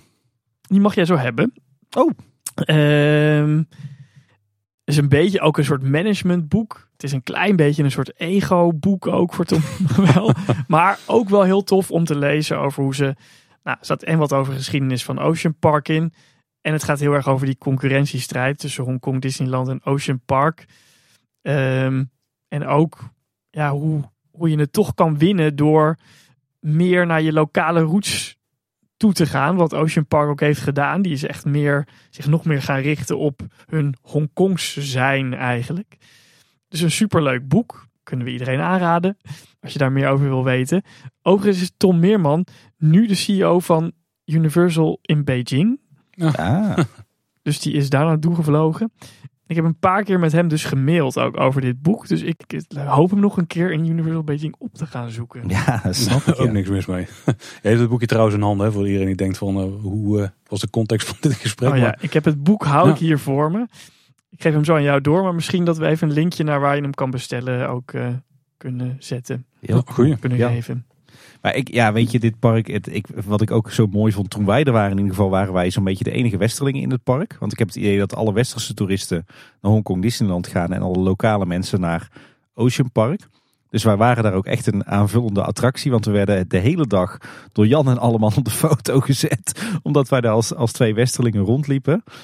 Dit was trouwens ook de, de eerste dag dat het echt de hele dag stortregende. Dus dat, dat nou, deed dat wat aan de ervaring af. Uh, nee, dat viel wel mee. Maar het, ja, het was wel uh, memorabel, laat ik het zo zeggen. Ja, en wat bijzondere plekjes. Wat ik heel tof vond, is dat ze een themadeel hebben. Wat volgens mij het, het oude Hongkong uitbeeldt. Ja, Hongkong in de jaren zeventig. Ja, ja, dat was echt super goed gethematiseerd. Echt Disney niveau. Maar dan dus inderdaad ja, echt dat, dat koloniale Hongkong. Echt super vet. Je vindt er ook een heel mooi uh, panda verblijf. Want natuurlijk hebben ze reuze panda's. Weet dat ze ook enorme hallen hadden met alleen maar dolfijnen erin. Dat was ook wel uh, bijzonder om mee te maken. En dus een uh, echte B&M rommelbak. Want het was wel een oud beestje. Maar ja, nee, heel tof. Vooral dat landschappelijke en, en die verschillende niveaus op die berg. Het, ja, je zou bijna zeggen, het is de Liseberg van Hongkong. maar nee, dit was echt een, echt een fascinerende ervaring. En als je wat hebt met met themaparken die een bijzondere historie hebben of een bijzondere achtergrond. Ja, dan is eh, Ocean Park echt een must-do. Ik denk ook als ik terug zou gaan naar Hongkong en ik zou moeten kiezen. Nou ja, Frozen maakt het wel wat lastiger. Maar als ik zou moeten kiezen met mes op de keel, dan zou ik absoluut weer terug gaan naar Ocean Park. Wat ik ook, weet niet of je daar bent geweest. Wat ik ook heel tof vond in Ocean Park, dat ze ook een hele uh, ja, gethematiseerde zone hebben rondom de goudvis en het fenomeen goudvissen in de Chinese cultuur. Ja, daar zijn we ook geweest, ja. Dat was ook fantastisch, toch? Ja, het park loopt over van dit soort gekke plekken. Ja, echt heel erg leuk. Ja, echt een, een fantastische dag gehad. Ja. De dag erop, inmiddels de zesde dag van onze reis, uh, was weer een totaal ander verhaal. Uh, toen hebben we de hele dag besteed op Kowloon. het deel van Hongkong wat aan mainland China vastzit. En dit was voor mij toch wel de, de grote verrassing we dachten, ja, dit wordt gewoon een stadswandeling. En we kijken wel wat voor interessante dingen we zien. Maar dit was wat mij betreft de meest intense en fascinerende dag ook. Omdat Kowloon, ja, dat is gewoon puur Chinees. Maar ja, wat jij net al uitlegde, waarschijnlijk ook omdat het geïsoleerd was, dat het daar nog echt Chinees is. En dit is wel echt de meest intense China-ervaring die ik in die reis heb meegekregen. Want het is een ontzettend ja, volgepakt stadsdeel eigenlijk. Met zo ontzettend veel bijzondere plekjes die je wat mij betreft moet zien. Uh, dus wat hebben we gedaan? We hebben s ochtends na ons ontbijtje uh, uh, de metro gepakt richting de, de kade van Hong Kong Island. En daar de Star Ferry gepakt. Wat, nou ja, jij haalde hem al aan Danny. volgens mij het klassieke openbaar vervoerssysteem is om de overstap te maken van Hong Kong Island naar Kowloon en terug. Ja, al sinds de 19e eeuw is dat het vervoersmiddel. Hè? Ja. Ja, ja, en volgens mij heet die Star Ferry omdat het groene boten zijn met een rode ster of zo. Ja, ja. Ja, echt heel gaaf. Ook hele oude klassieke veerboten zijn het eigenlijk. Een eh, ervaring op zich eh, die al heel tof is. Eh, en dan kom je aan op de boulevard van Kowloon. Daar vind je op zich wel een mooie landmark, namelijk de Clock Tower. Wat het laatste restant is van een oud treinstation van de Britten. Wat voor hun zeg maar de toegangspoort was tot, tot China. een heel mooi plekje. en daarna zijn we gaan wandelen. een wandeling uitgestippeld aan de hand van wat, wat aanraders in die Lonely Planet Pocket Guide. Ja, even wat highlights van die wandeling. Uh, we zijn door Kowloon Park gewandeld, wat een heel mooi uh, stadspark is. En natuurlijk een bezoekje gebracht aan de Temple Street Night Market. Wat een van de nou ja, tientallen, misschien wel honderden straatmarktjes is in, uh, in Hongkong. Maar deze is denk ik wel het, het meest bekend. Dus ja, echt gewoon, ja, je moet je voorstellen, het is eigenlijk gewoon een straat. met aan beide kanten hoge gebouwen. En daartussenin staan honderden marktkraampjes gepland waar je allerlei eten en drinken kunt kopen. Of nou ja, het is niet, niet zozeer klaargemaakt, maar het is vooral ja, een markt waar je je ingrediënten vandaan haalt. Heel tof. We zijn ook naar Jade Market geweest. Wat een soort uh, overdekt markthalletje is waar je allemaal producten kunt kopen die van jade gemaakt zijn. Wat natuurlijk de, de lokale edelsteen is. Hè. Een mooie tint groen is dat. Natuurlijk ook even iets van jade gekocht. Want ja, dat doe je als je daar bent. Hè. Ehm, en iets meer noordelijker. Ik geloof dat we de metro hadden gepakt om, uh, om even wat, uh, wat kilometers uh, te skippen. heb je zo ook nog een paar hele bijzondere plekken. Je hebt daar Goldfish Street. Wat een lange straat is met echt tientallen dierenwinkels. Met, ja, je kent die beelden misschien wel van honderden boterhamzakjes met daarin allemaal goudvissen. Hmm. Nou, dat soort winkels vind je daar. Maar ook bijvoorbeeld dierenwinkels met uh, alleen maar katten, met alleen maar honden, met alleen maar Nederlandse konijnen die daar tegen duizenden Hongkong dollars worden verkocht. Dus dat was een, een vrij bijzondere plek om uh, te bezoeken. Uh, ook onze eerste grote tempel van de reis bezocht. De Sik Yuan Wong Tai Sin tempel. Zo, dat is een hele mond vol. Een beetje fatsoenlijk uitspreekt, Danny. Nou, dit is uh, Kantonees, hè? dus uh, dan mag je, daar kan ik je niet in corrigeren. Ah, okay, okay, ik, ik keur hem goed. Wat volgens mij best een moderne tempel is, maar echt ontzettend groot en uh, bijzonder mooi. Dus het was een hele bijzondere plek om te bezoeken. en nog noordelijker heb je daar de Flower Market. Wat ja ook weer zo'n straatmarktje is, maar wat dan ja, volledig eigenlijk in het teken staat van de verkoop van, van verse bloemen, tropische bloemen. en ietsje verder op de Yuan Po Street Bird Garden. Wat weer zo'nzelfde marktje is. Maar dan verkopen ze er allemaal vogeltjes, zangvogels in, in die kenmerkende kooitjes. Is nou Kowloon Park, is dat niet de plek waar ooit die, uh, die dat bizarre ja, moet zeggen, blok heeft gestaan waar honderdduizenden mensen op elkaar wonen? Of, of de honderdduizenden oh, mensen? Oh, dat, dat bedoel je. Ja, dat is, dat is in de jaren tachtig gesloopt, hè? Dat, is een, dat was op Kowloon, toch? Dat ja, maar dat, is, dat heet, is niet in Kowloon Park volgens mij. Nee, ik dacht inderdaad in het voorbereiden van deze aflevering dat dat zo was. Maar ik heb het uitgezocht, dat is niet zo. Kowloon Park ligt echt uh, ja, helemaal aan de zuidkant van, van Kowloon, dus tegen het water aan. Uh, en het park waar jij het over hebt, dat ligt uh, veel meer noordelijker. Maar wel op Kowloon, want het ja, toch de ja, ja. Kowloon, het is niet de Walt City of zo? De... Ja, de Kowloon Walt City. Als ja. het heten. Ah, oké, ja. ja. Met de kennis van nu hadden we daar waarschijnlijk ook nog even langs gewild. Dat is nu volgens mij vooral een park met, met wat gedenktekens en wat en volgens mij een hele mooie uh, animatie van hoe het daar vroeger ooit uitzag. Ja, en een klein model van hoe het eruit zag en zo. Ja. ja. Nee, dit was een, een memorabel dagje. Heel wat kilometers gemaakt, ook weer in de stromende regen. Af en toe dus een beetje gesmokkeld met uh, een stukje met de metro. Maar ja, echt een, een hele intense dag. En ik denk wel alle bezienswaardigheden op Kowloon uh, gezien. Ik neem een petje voor je af. En het was pikken donker toen we uiteindelijk weer bij het hotel terugkwamen. Dit soort dagen is ook wel een ideale ideaal medicijn tegen jetlags, hè? ja, gewoon doorgaan. Ja. Uh, de dag erop uh, begon er iets rustiger. Uh, we hadden een plan om richting Lantau te gaan naar de, de grote Boeddha. Maar wederom begon de dag met een heleboel stortregen. Dus we dachten laten we een keer een binnenactiviteit doen. En we zijn naar het Hong Kong Museum of History geweest. Wat volgens mij redelijk wat overeenkomsten vertoont met het, uh, het Stedenbouwkundig Museum waar jij het net over had, uh, Danny. Ja, dit is een fantastisch museum. Het is een enorm museum uh, wat het verhaal vertelt over de geschiedenis van Hongkong. Echt van het prille ontstaan tot de, de, de, de, Britse overheersing, allerlei oorlogen en het Hongkong van nu. maar dat laten ze niet zien, dat beelden ze niet uit als museum. Maar ze werken daar met themawerelden. Er zijn eigenlijk volgens mij een zeven of achttal hallen uh, waarin ze ja, echt ook weer met thematisering en decor zoals we die kennen uit de pretparken. Uh, de geschiedenis van uh, Hongkong uitbeelden. En dat is echt een sublieme ervaring. Want in die decors vind je natuurlijk wel weer heel veel belangrijke voorwerpen en de verhalen. En ja, ze vertellen echt het, het verhaal van Hongkong van het prille begin tot, tot het heden. Ja, ik ken het museum. Dit is inderdaad echt een, een nou, eigenlijk zou je je reis daar moeten beginnen, denk ik bijna. Ja. Het is echt een topplek. En ik denk eerlijk gezegd dat, dat de luisteraars van eh, deze podcast of van Kleine Boodschap, eh, dat, dat deze plek hen ook al zal aan, eh, aanspreken. Juist ja, vanwege eigenlijk die immersive thematisering van dit museum. En tegelijkertijd is het super educatief. Uh, dat deden we s ochtends. Smiddags klaarde het eindelijk op en begon de zon te schijnen. En voelde het ineens uh, heel erg tropisch. Wat hebben we toen gedaan? Het stond ergens in een voetnoot in ons reisgidsje. Maar toen hebben we de veerboot gepakt naar uh, Lama. En Lama is een, een tropisch eiland. Het ligt net ten zuiden van Hongkong Island. Eigenlijk tegenover Ocean Park. Het is eigenlijk voor het overgrote deel is het natuur. Met op een aantal plekken aan de kust wat nederzettingjes, wat dorpjes. En je kan dus allerhande wandelingen maken door de bergen en door de jungle. Uh, van het een naar het andere dorpje. En op een aantal plekken uh, aan de kust van dat eiland heb je een, uh, een veerhaven. Dus kan je een veerbootje terug naar Hongkong pakken. Nou, we hadden hier echt de expeditie Robinson ervaring. Want ja, dit was gewoon echt hiken door de jungle. Behoorlijke bergen bedwongen.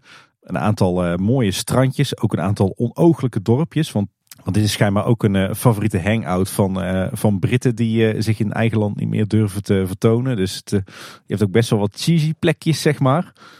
maar nee, het, is een fascinerend eiland. Ik weet nog dat we hier ook op een gegeven moment op een strandje stonden en dat er heel erg werd gewaarschuwd voor haaien. Dat is natuurlijk ook iets wat je niet kent van, van Nederland. Een aantal van die vissersdorpjes met inderdaad overal allerlei gekke slakken en mosselen en, en zeedieren in bakken. En ja, ook wel wat, wat nederzettingjes die misschien eerder als een soort krottenwijk zal betitelen. Ja, het is echt een, een fascinerend plekje. Het heeft niks meer te maken met toeristisch Hongkong, maar het, is, het, ja, het geeft wel echt die authentieke China-ervaring. Wat leuk. Nou, ik ken het helemaal niet, maar ja. de volgende keer uh, ga ik er ook naartoe. Ja, Lama. Echt een uh, hele mooie hike gemaakt. Uh, volgens mij van de zuidpunt naar de, de noordpunt van het eiland. Op onze één na laatste dag zijn we alsnog naar Lantau gegaan. Dus het eiland waar het vliegveld en Hongkong Disneyland liggen. Maar zijn we iets anders gaan doen. We hebben namelijk de Nongping 360 gepakt. Zeg ik dat goed, Danny? Of is het ook Kantonees? Het is allemaal Kantonees. Oh, nou, dat wist ik niet. Het is eigenlijk een, een enorme kabelbaan die op grote hoogte over zee gaat uh, en over bergen en bossen. En die brengt je naar uh, het dorpje Nongping, wat echt een uh, volledig nieuwbouwdorpje is in de bergen, puur voor toeristen. En vanuit daar kan je naar de Chantan Boeddha lopen, wat volgens mij het allergrootste Boeddha-beeld ter wereld is. Klopt, maar ook nieuw. Ook nieuw, ja. Ja, ja, ja nee, hij is niet klassiek. Uh, dat dorpje is trouwens helemaal verschrikkelijk. Want uh, ze, doen daar, ze doen daar net alsof het een authentiek uh, Chinees dorpje is. Maar het is allemaal hartstikke nep. Met gewoon een geveltje, een frontje. En daarachter zijn het bij wijze spreken gewoon loodjes van, van golfplaat. echt een toeristrap ook wel leuk om te zien. Want wat jij zegt, er komen eigenlijk vooral Chinese toeristen op af. Ja, de Boeddha is gewoon ontzettend indrukwekkend. Echt een enorm beeld. Wat je vanuit het vliegtuig als je Hongkong benadert ook ziet. Ook nog een wandelingetje gemaakt over een, een trail, de Lantau Trail. Ook weer lekker uh, een aantal kilometers gewandeld door de bergen en door de bossen daar. En uiteindelijk ook het Polin Monastery bezocht. Wat een, een heel indrukwekkend kloostercomplex is. En voordat je over je laatste dag vertelt, is misschien dit nog wel een leuk punt om te zeggen. Dat um, wat Chinezen zelf als mooi of authentiek ervaren, dat kan anders zijn dan hoe wij dat ervaren. Chinezen zelf vinden bijvoorbeeld dat iets er zo al duizend jaar staat, of dat dat nog origineel is of zo, veel minder belangrijk dan dat wij dat vinden.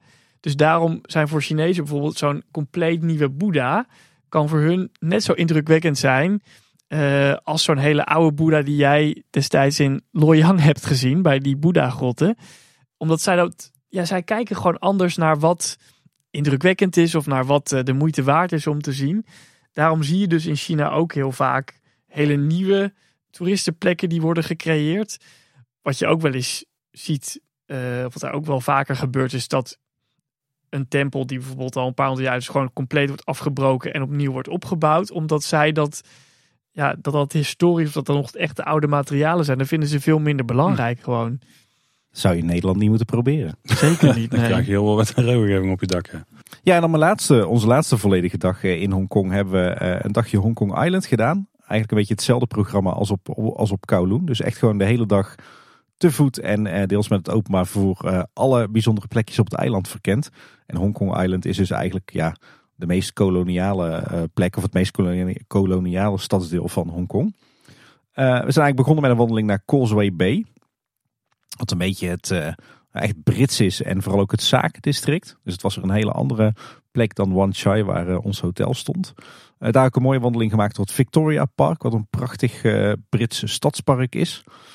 En daarna met de dubbeldek-tram terug naar Wan Chai. Ja, dat is toch ook wel een ervaring op zich hoor. Prachtige apparaten. Als je bovenin zit, dan denk je ook echt van blijft het ding staan als hij door de bocht gaat. Want ze zijn heel smal en heel hoog en topzwaar. Maar dit, ja, volgens mij zijn die dingen 100 jaar oud of zo. Ja, net als die Star Ferries. Het zijn ook van die hele oude dingen. En wat natuurlijk heel leuk is, is het kost helemaal niks. Die Star Ferry kost misschien een dubbeltje omgerekend, 10 cent. Um, en uh, zo'n dubbeldek, dubbeldekstram ook. Terwijl het natuurlijk een super leuke ervaring is, ja. Ja, dat ding dat rijdt eigenlijk gewoon op en neer langs uh, de noordkust van Hong Kong Island, hè? Uh, ook lekker door Wan Chai uh, gewandeld. Dus het, het, typisch Chinese deel waar ons hotel stond. het Golden Bauhinia Square bezocht. Daar staat een heel groot standbeeld van volgens mij een gouden vlam. Die daar volgens mij is geplaatst in 1998 toen de Britten na 100 jaar weggingen. Zeg ik het dan goed? zeg je goed. Ja. Kijk, een foeilelijk ding, maar goed, ik snap dat die eh, heel belangrijk is voor de inwoners van Hongkong. Alhoewel ik het, de indruk heb dat heel veel inwoners van Hongkong eigenlijk die Britse overheersing eh, wel lekker vonden. Ja, zeker. Ze waren meer vrijheid, hè? Ja. ja. Eh, ook nog een bezoekje gebracht aan Hongkong Park. Een prachtig stadspark. Veel minder Brits dan veel andere stadsparken. Heel erg tropisch met prachtige bloemen, watervallen, eh, rotsen. eh, en ook stiekem een dierentuin. Met heel veel volières met, met mooie zangvogels erin en zo. En ook nog diverse wijkjes bezocht. De een was weer typisch Chinees, de andere typisch Brits. Onder meer in Soho geweest. Niet in eh Nog een Manhattan. Soho, ja. nee, niet Soho in Londen, ook niet in eh, New York, maar Soho in, eh, op Hongkong. Eh de Man Mo tempel bezocht, wat eh, een heel klein en bouwvallig, maar wel echt klassiek tempeltje is. Echt een, eh, een pareltje. Ook nog het Sheung eh district bezocht. Wat weer helemaal op het westpunt van eh Hongkong Island ligt en wat, eh, wat ook typisch Chinees was. En eh, de laatste dag eh, afgesloten op de piers. Dus nog even genoten van eh, de Hongkongers die eh, de Europese kermissen ervoeren. Geen idee waarom we daar naartoe gingen. Waarschijnlijk omdat ze dan eerst lekker hadden gegeten in eh, de IFC2 eh, Tower. En ja, op de laatste dag die stond gewoon volledig in het teken van de terugreis met de KLM. En ik weet nog dat wij op het vliegveld van Hongkong stonden. En nou ja, natuurlijk aan de ene kant gesloopt van tien dagen Hongkong. Maar aan de andere kant ook nog bruisend van de adrenaline van hoe vet was dit. En ik weet nog dat wij een reisgidsje vastpakten van Tokio. En dat we zeiden, ja, nou we Hongkong hebben, hebben gedaan. Nou wordt de volgende reis volgend jaar wordt eh, Tokio. Maar ja, er kwam even een baby tussendoor. Dus we zijn intussen nog steeds niet in Tokio geweest. Maar eh, ja, al met al een eh, ontzettend intense, toffe reis. En ja, we hebben het gevoel, maar goed Danny, dat moet jij maar bevestigen of ontkennen. Dat we Hongkong toch wel van binnen en van buiten hebben gezien. En echt een representatieve indruk hebben gekregen van deze fascinerende stad. Nou, ik neem echt mijn petje af voor eh, wat jullie allemaal hebben weten te doen in die, eh, eigenlijk zijn het acht dagen. Ja, ik denk dat je een hele goede indruk van Hongkong hebt gekregen. En wat ik ook heel leuk vind uit je verhaal is dat je, ehm, ondanks die aanvankelijke cultuurshock hè, en dat jullie alles zelf hebben geregeld, dat het dus helemaal goed is gekomen dat je eigenlijk wegging met een gevoel van, nou, als wij dit aankunnen, dan ligt eigenlijk helemaal de hele wereld voor ons open. Nou, Dat was wel de, de, de indruk, ja. ja. Ik heb eigenlijk als mensen vragen van, goh, wat zijn nou goede algemene tips als je naar China gaat? Heb ik altijd een lijstje, maar heel veel dingen die ik dan altijd zeg, die hoor ik eigenlijk in jullie beide verhalen al terug. Dus heel veel dingen hebben we eigenlijk al een beetje besproken.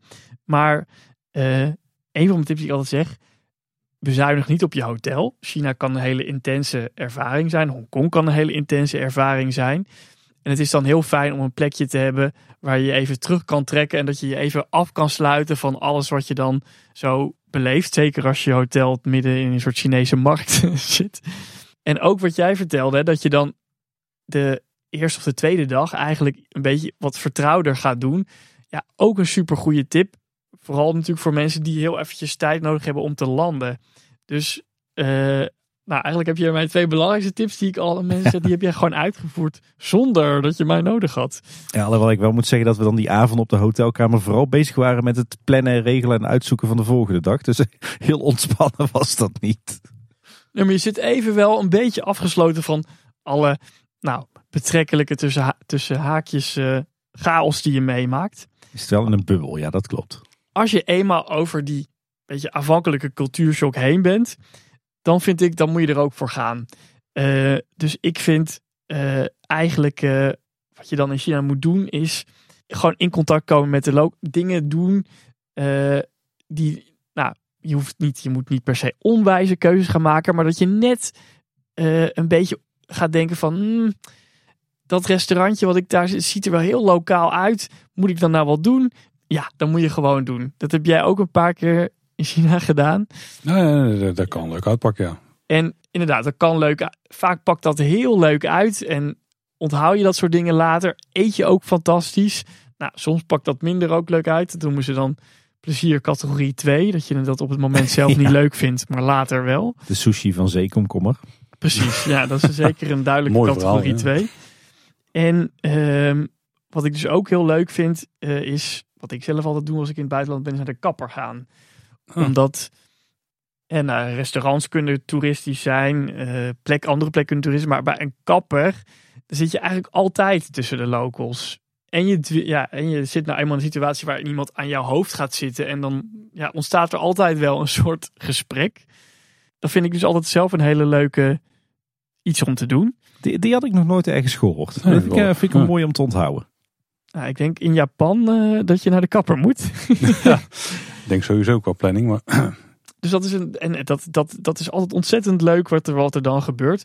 En als je de kans hebt, uh, zou ik ook in China ergens een fietstochtje gaan doen. Dat kan heel toeristisch over een uh, stadsmuur ergens zijn.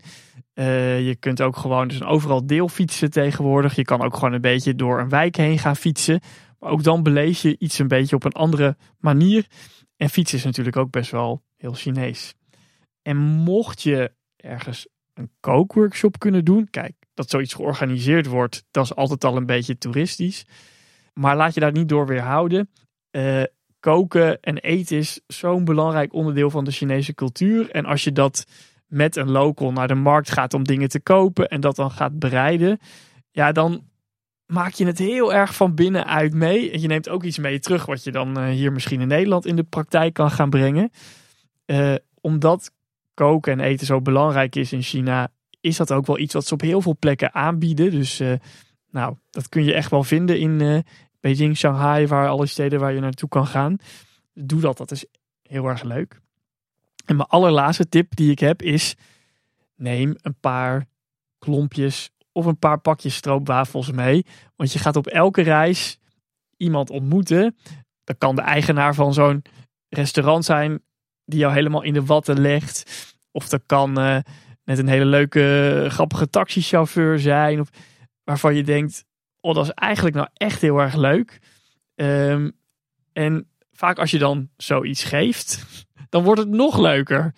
Um, dus ik heb er eigenlijk altijd bij me. Zeker in China, waar ze ook heel erg zo'n cadeautjescultuur hebben.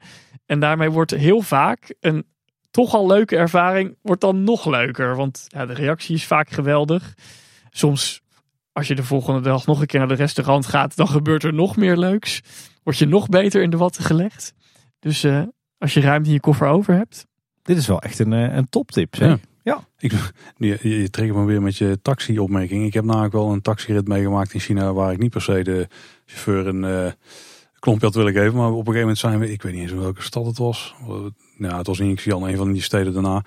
En toen hebben we ook een taxi genomen om even snel van A naar B te gaan. Nou, toen heb ik echt doodsangst uitgesla uitgeslagen. Die, de stoplichten zo bestonden niet en het verkeer ging echt aan alle kanten langs. Ja, wij gingen vooral langs alle kanten langs het andere verkeer heen. Op een gegeven moment was er een ongeluk gebeurd. Er gebeurde sowieso twee of drie ongelukken rondom ons heen toen we daar in die auto zaten. Maar eentje was al een minuut eerder gebeurd of zo, misschien twee minuten eerder. Uh, voor een, lijnbus.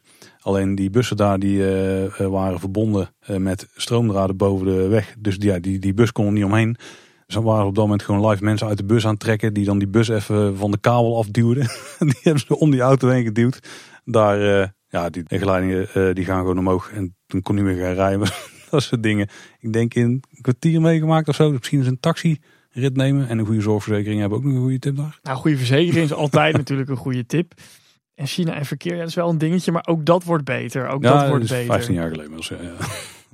Hey, en als pretparkliefhebbers is het natuurlijk wel ook heel leuk om in China nog een keer een pretpark te bezoeken. En we hebben het gehad over um, uh, Ocean Park en Hongkong Disneyland. Uh, nou, er is natuurlijk ook Shanghai Disneyland Universal in Beijing is net open met CEO Tom Meerman. Dus uh, ja, ja, wie weet krijgen we nog een special treatment als we daar naartoe gaan. maar China heeft natuurlijk ook heel veel ja, eigen parken. een aantal daarvan zijn ook behoren tot de best bezochte attractieparken ter wereld. Uh, dingen Chimelong en Happy Valley, dat zijn echt Chinese ja. ketens ook. Ik, ik, zie ze altijd voorbij komen ieder jaar in, die, uh, in dat TIA-report met alle bezoekerscijfers van de, alle pret- en themaparken wereldwijd. Dan zie je dat soort parken vaak voorbij komen, ja. ja. En dat zijn ook dus best hele mooie parken. Het zijn een beetje, laat ik zeggen, de Europa-parken van China. Dus het is wel hoge mate van kitsch en zo, maar...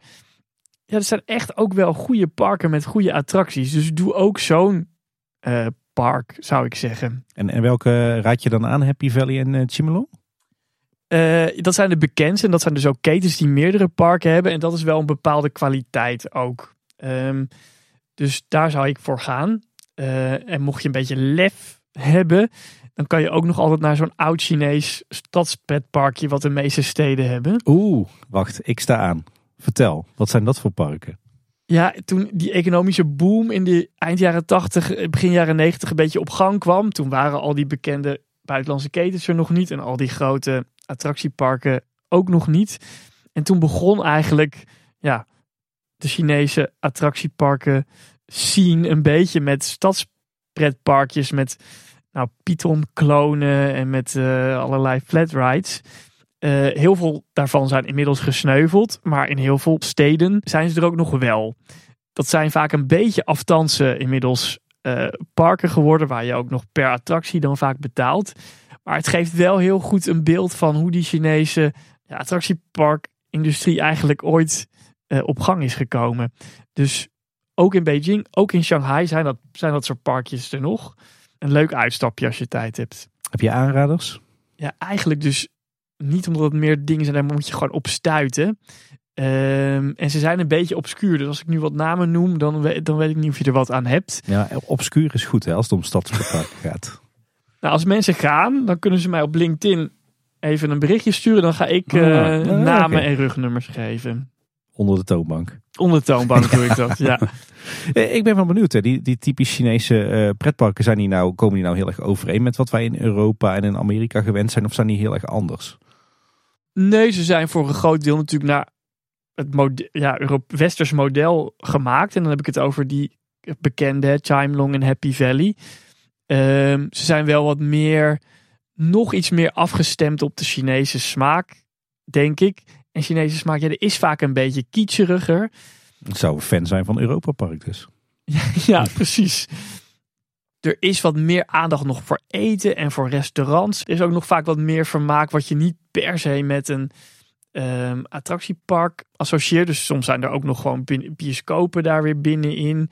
Of um, ja, hele grote arcadehallen of zo. Dus wat je wat minder misschien met Disney en Universal en zo associeert. Maar wel weer met de Europese stadspretparken. Ja, precies. Ja. Maar dat zijn echt goede plekken. Dat zijn echt mooie, leuke parken. Dus zeker niet overslaan. Ik heb trouwens gehoord dat Fons Jurgens toen hij in China op reis was, uh, op een werkreis was, die parken ook heeft bezocht. Oeh, de directeur Oeh. van de Efteling heeft daar inspiratie op gedaan. Ja. Kijk, dat is altijd mooi. Maar naar een pretpark gaan is dus wel typisch een uh, Chinese tijdsverdrijf. Traditioneel gezien natuurlijk helemaal niet. Uh, maar dat wordt het wel steeds meer, ja. Maar waar besteedt de gemiddelde Chinees dan van oudsher vooral zijn vrije tijd aan? Nou, wat jullie in China eigenlijk ook hebben gezien, is dat heel veel van die stadsparken heel intensief, uh, die gewoon die hè, parken heel intensief gebruikt worden. Daar zijn mensen waterkalligrafie aan het doen, daar zijn ze tai chi aan het doen, daar zijn ze allerlei dingen aan het doen. Dus die parken hebben vanuit gewoon die stadsparkjes hebben een hele belangrijke recreatieve functie. Veel, worden veel intensiever gebruikt dan hier. Uh, andere vormen van Chinees uh, tijdverdrijf, een beetje klassieker is natuurlijk karaoke. Zelf ook wel eens uh, je aangewaagd in China? Och ja, maar ik ben, dat vind ik altijd echt verschrikkelijk. Ja. Um, maar dat is dus eigenlijk wel de klassieker. En dat is misschien dan ook nog gelijk de laatste reistip. Want we gaan naar middernacht toe, dus we moeten zo gaan aftellen. Ja, ja, de laatste tip voor als je naar China gaat. Misschien ga je, moet je ook een keer karaoke doen.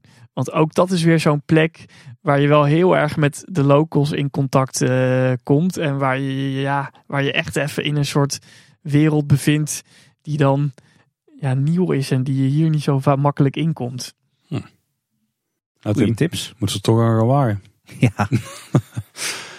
ik zie ze buiten al het vuurwerk opbouwen, maar ik zie er ook nog een gembersnoepje liggen. Die moet ook nog even snel testen, denk ik. Uh, ja, zeker. Dat zou ik nog eventjes doen, net voor middernacht. Zijn dat die gele? Dat zijn die gele. En dan, het water is inmiddels een beetje koud geworden, maar ik ga voor, omdat we zo wel moeten proosten om middernacht natuurlijk nog even een klein beetje thee doen. Ik doe ondertussen het gembersnoepje in mijn mond. Dat is ook wel citroen aan, daar zat er ook letterlijk op. Nee, in het Engels. Het jaar van de draak uh, komt er dus aan. Wat heb je nu voor thee ingeschonken, Danny? Ja, dit is nog steeds de jasmijn thee. De stoere thee, die ga ik hier achterlaten en dan kunnen jullie die op een ander moment drinken. Want ik denk dat we het jaar dan maar met die frisse jasmijnthee ingaan, het nieuwe jaar. Maar dit is wel de derde track. Heel sterk. Dus ik denk dat je de- deze nacht ga je niet meer slapen. Ik had al moeite met de tweede. Heel klein nipje dan maar. Geef je eraan over, Paul. Als je rauw ei over je noedels eh, overleeft, dan moet die uh, jasmijnthee ook wel ko- goed komen. Trouwens, kan ik me niet herinneren. Tim, dat was echt jouw afdeling. Oké. Ga jij wel nog ervaren in Hongkong, ja. Maar ja, ik, ik ben wel geïnspireerd geraakt in jouw reis. En Hongkong stond sowieso op in ons op de lijst om nog een keer eh, aan te doen. Ik ben wel benieuwd hoe het, hoe het nu is. Hè? Want ik was er natuurlijk in 2016, maar sindsdien is er wel ontzettend veel gebeurd natuurlijk. Dus ook jij moet terug. Nou ja, ik moet zeggen dat ik ook alweer helemaal warm word voor Hongkong als ik mezelf zo hoor.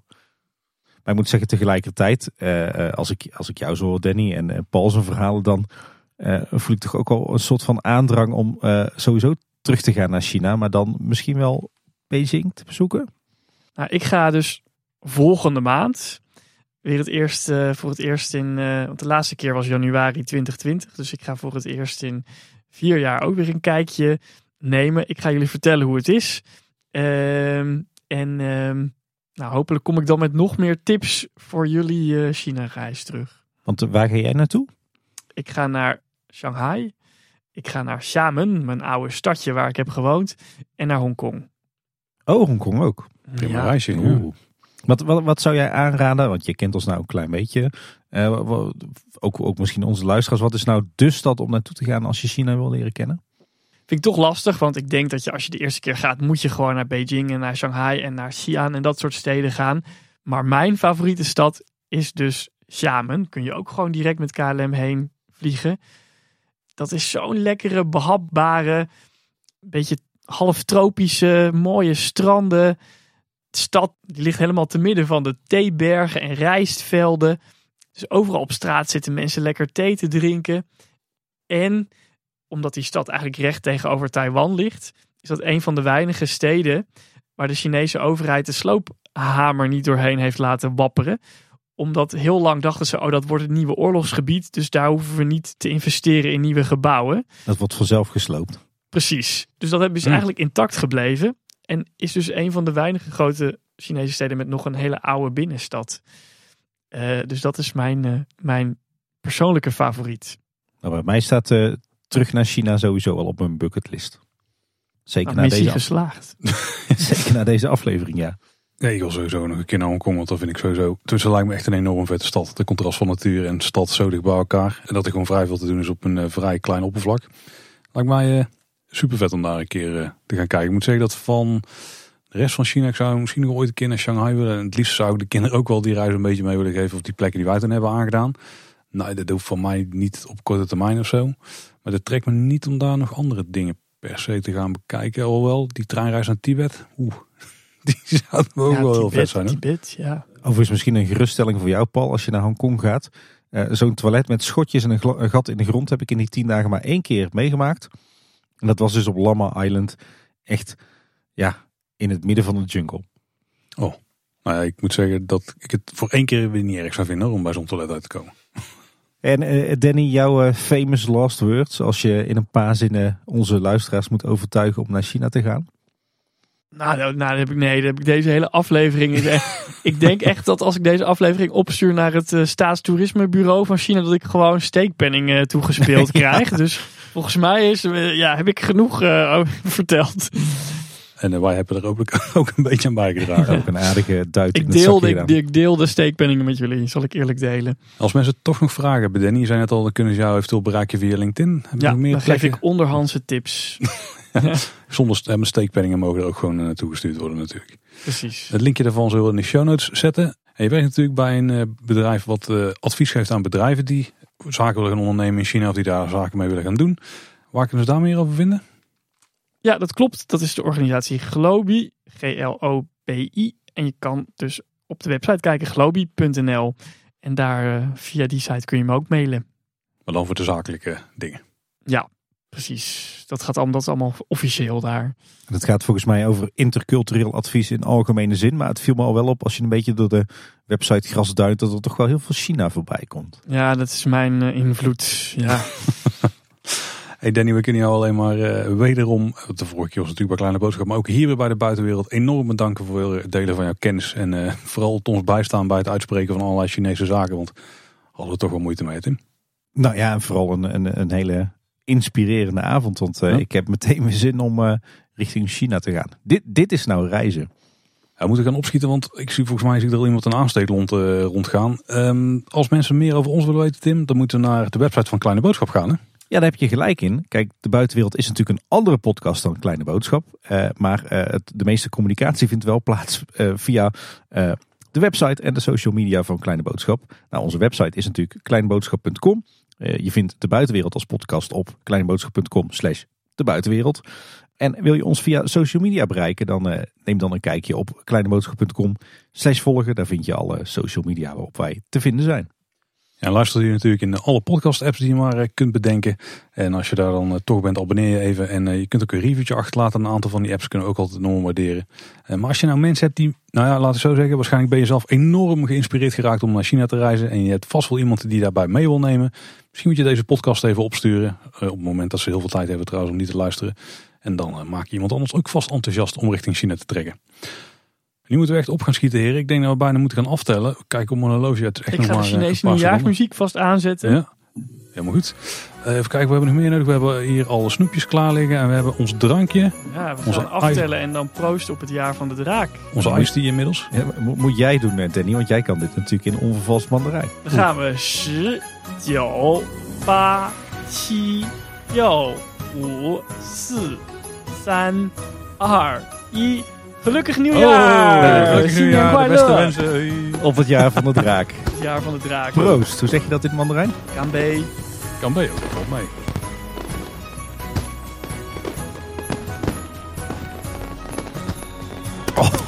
Mm, Hij lekker is- sterk jasmijntje. Goed sterk. Je licht, licht genipt. Zet een keer buiten je.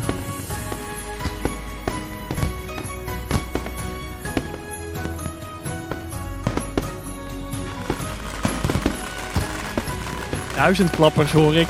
Ik hoor duizend klappers. Dat is een goed teken. Ja, het wordt tijd om af te zwaaien. Houdoe. Houdoe waar. 再见。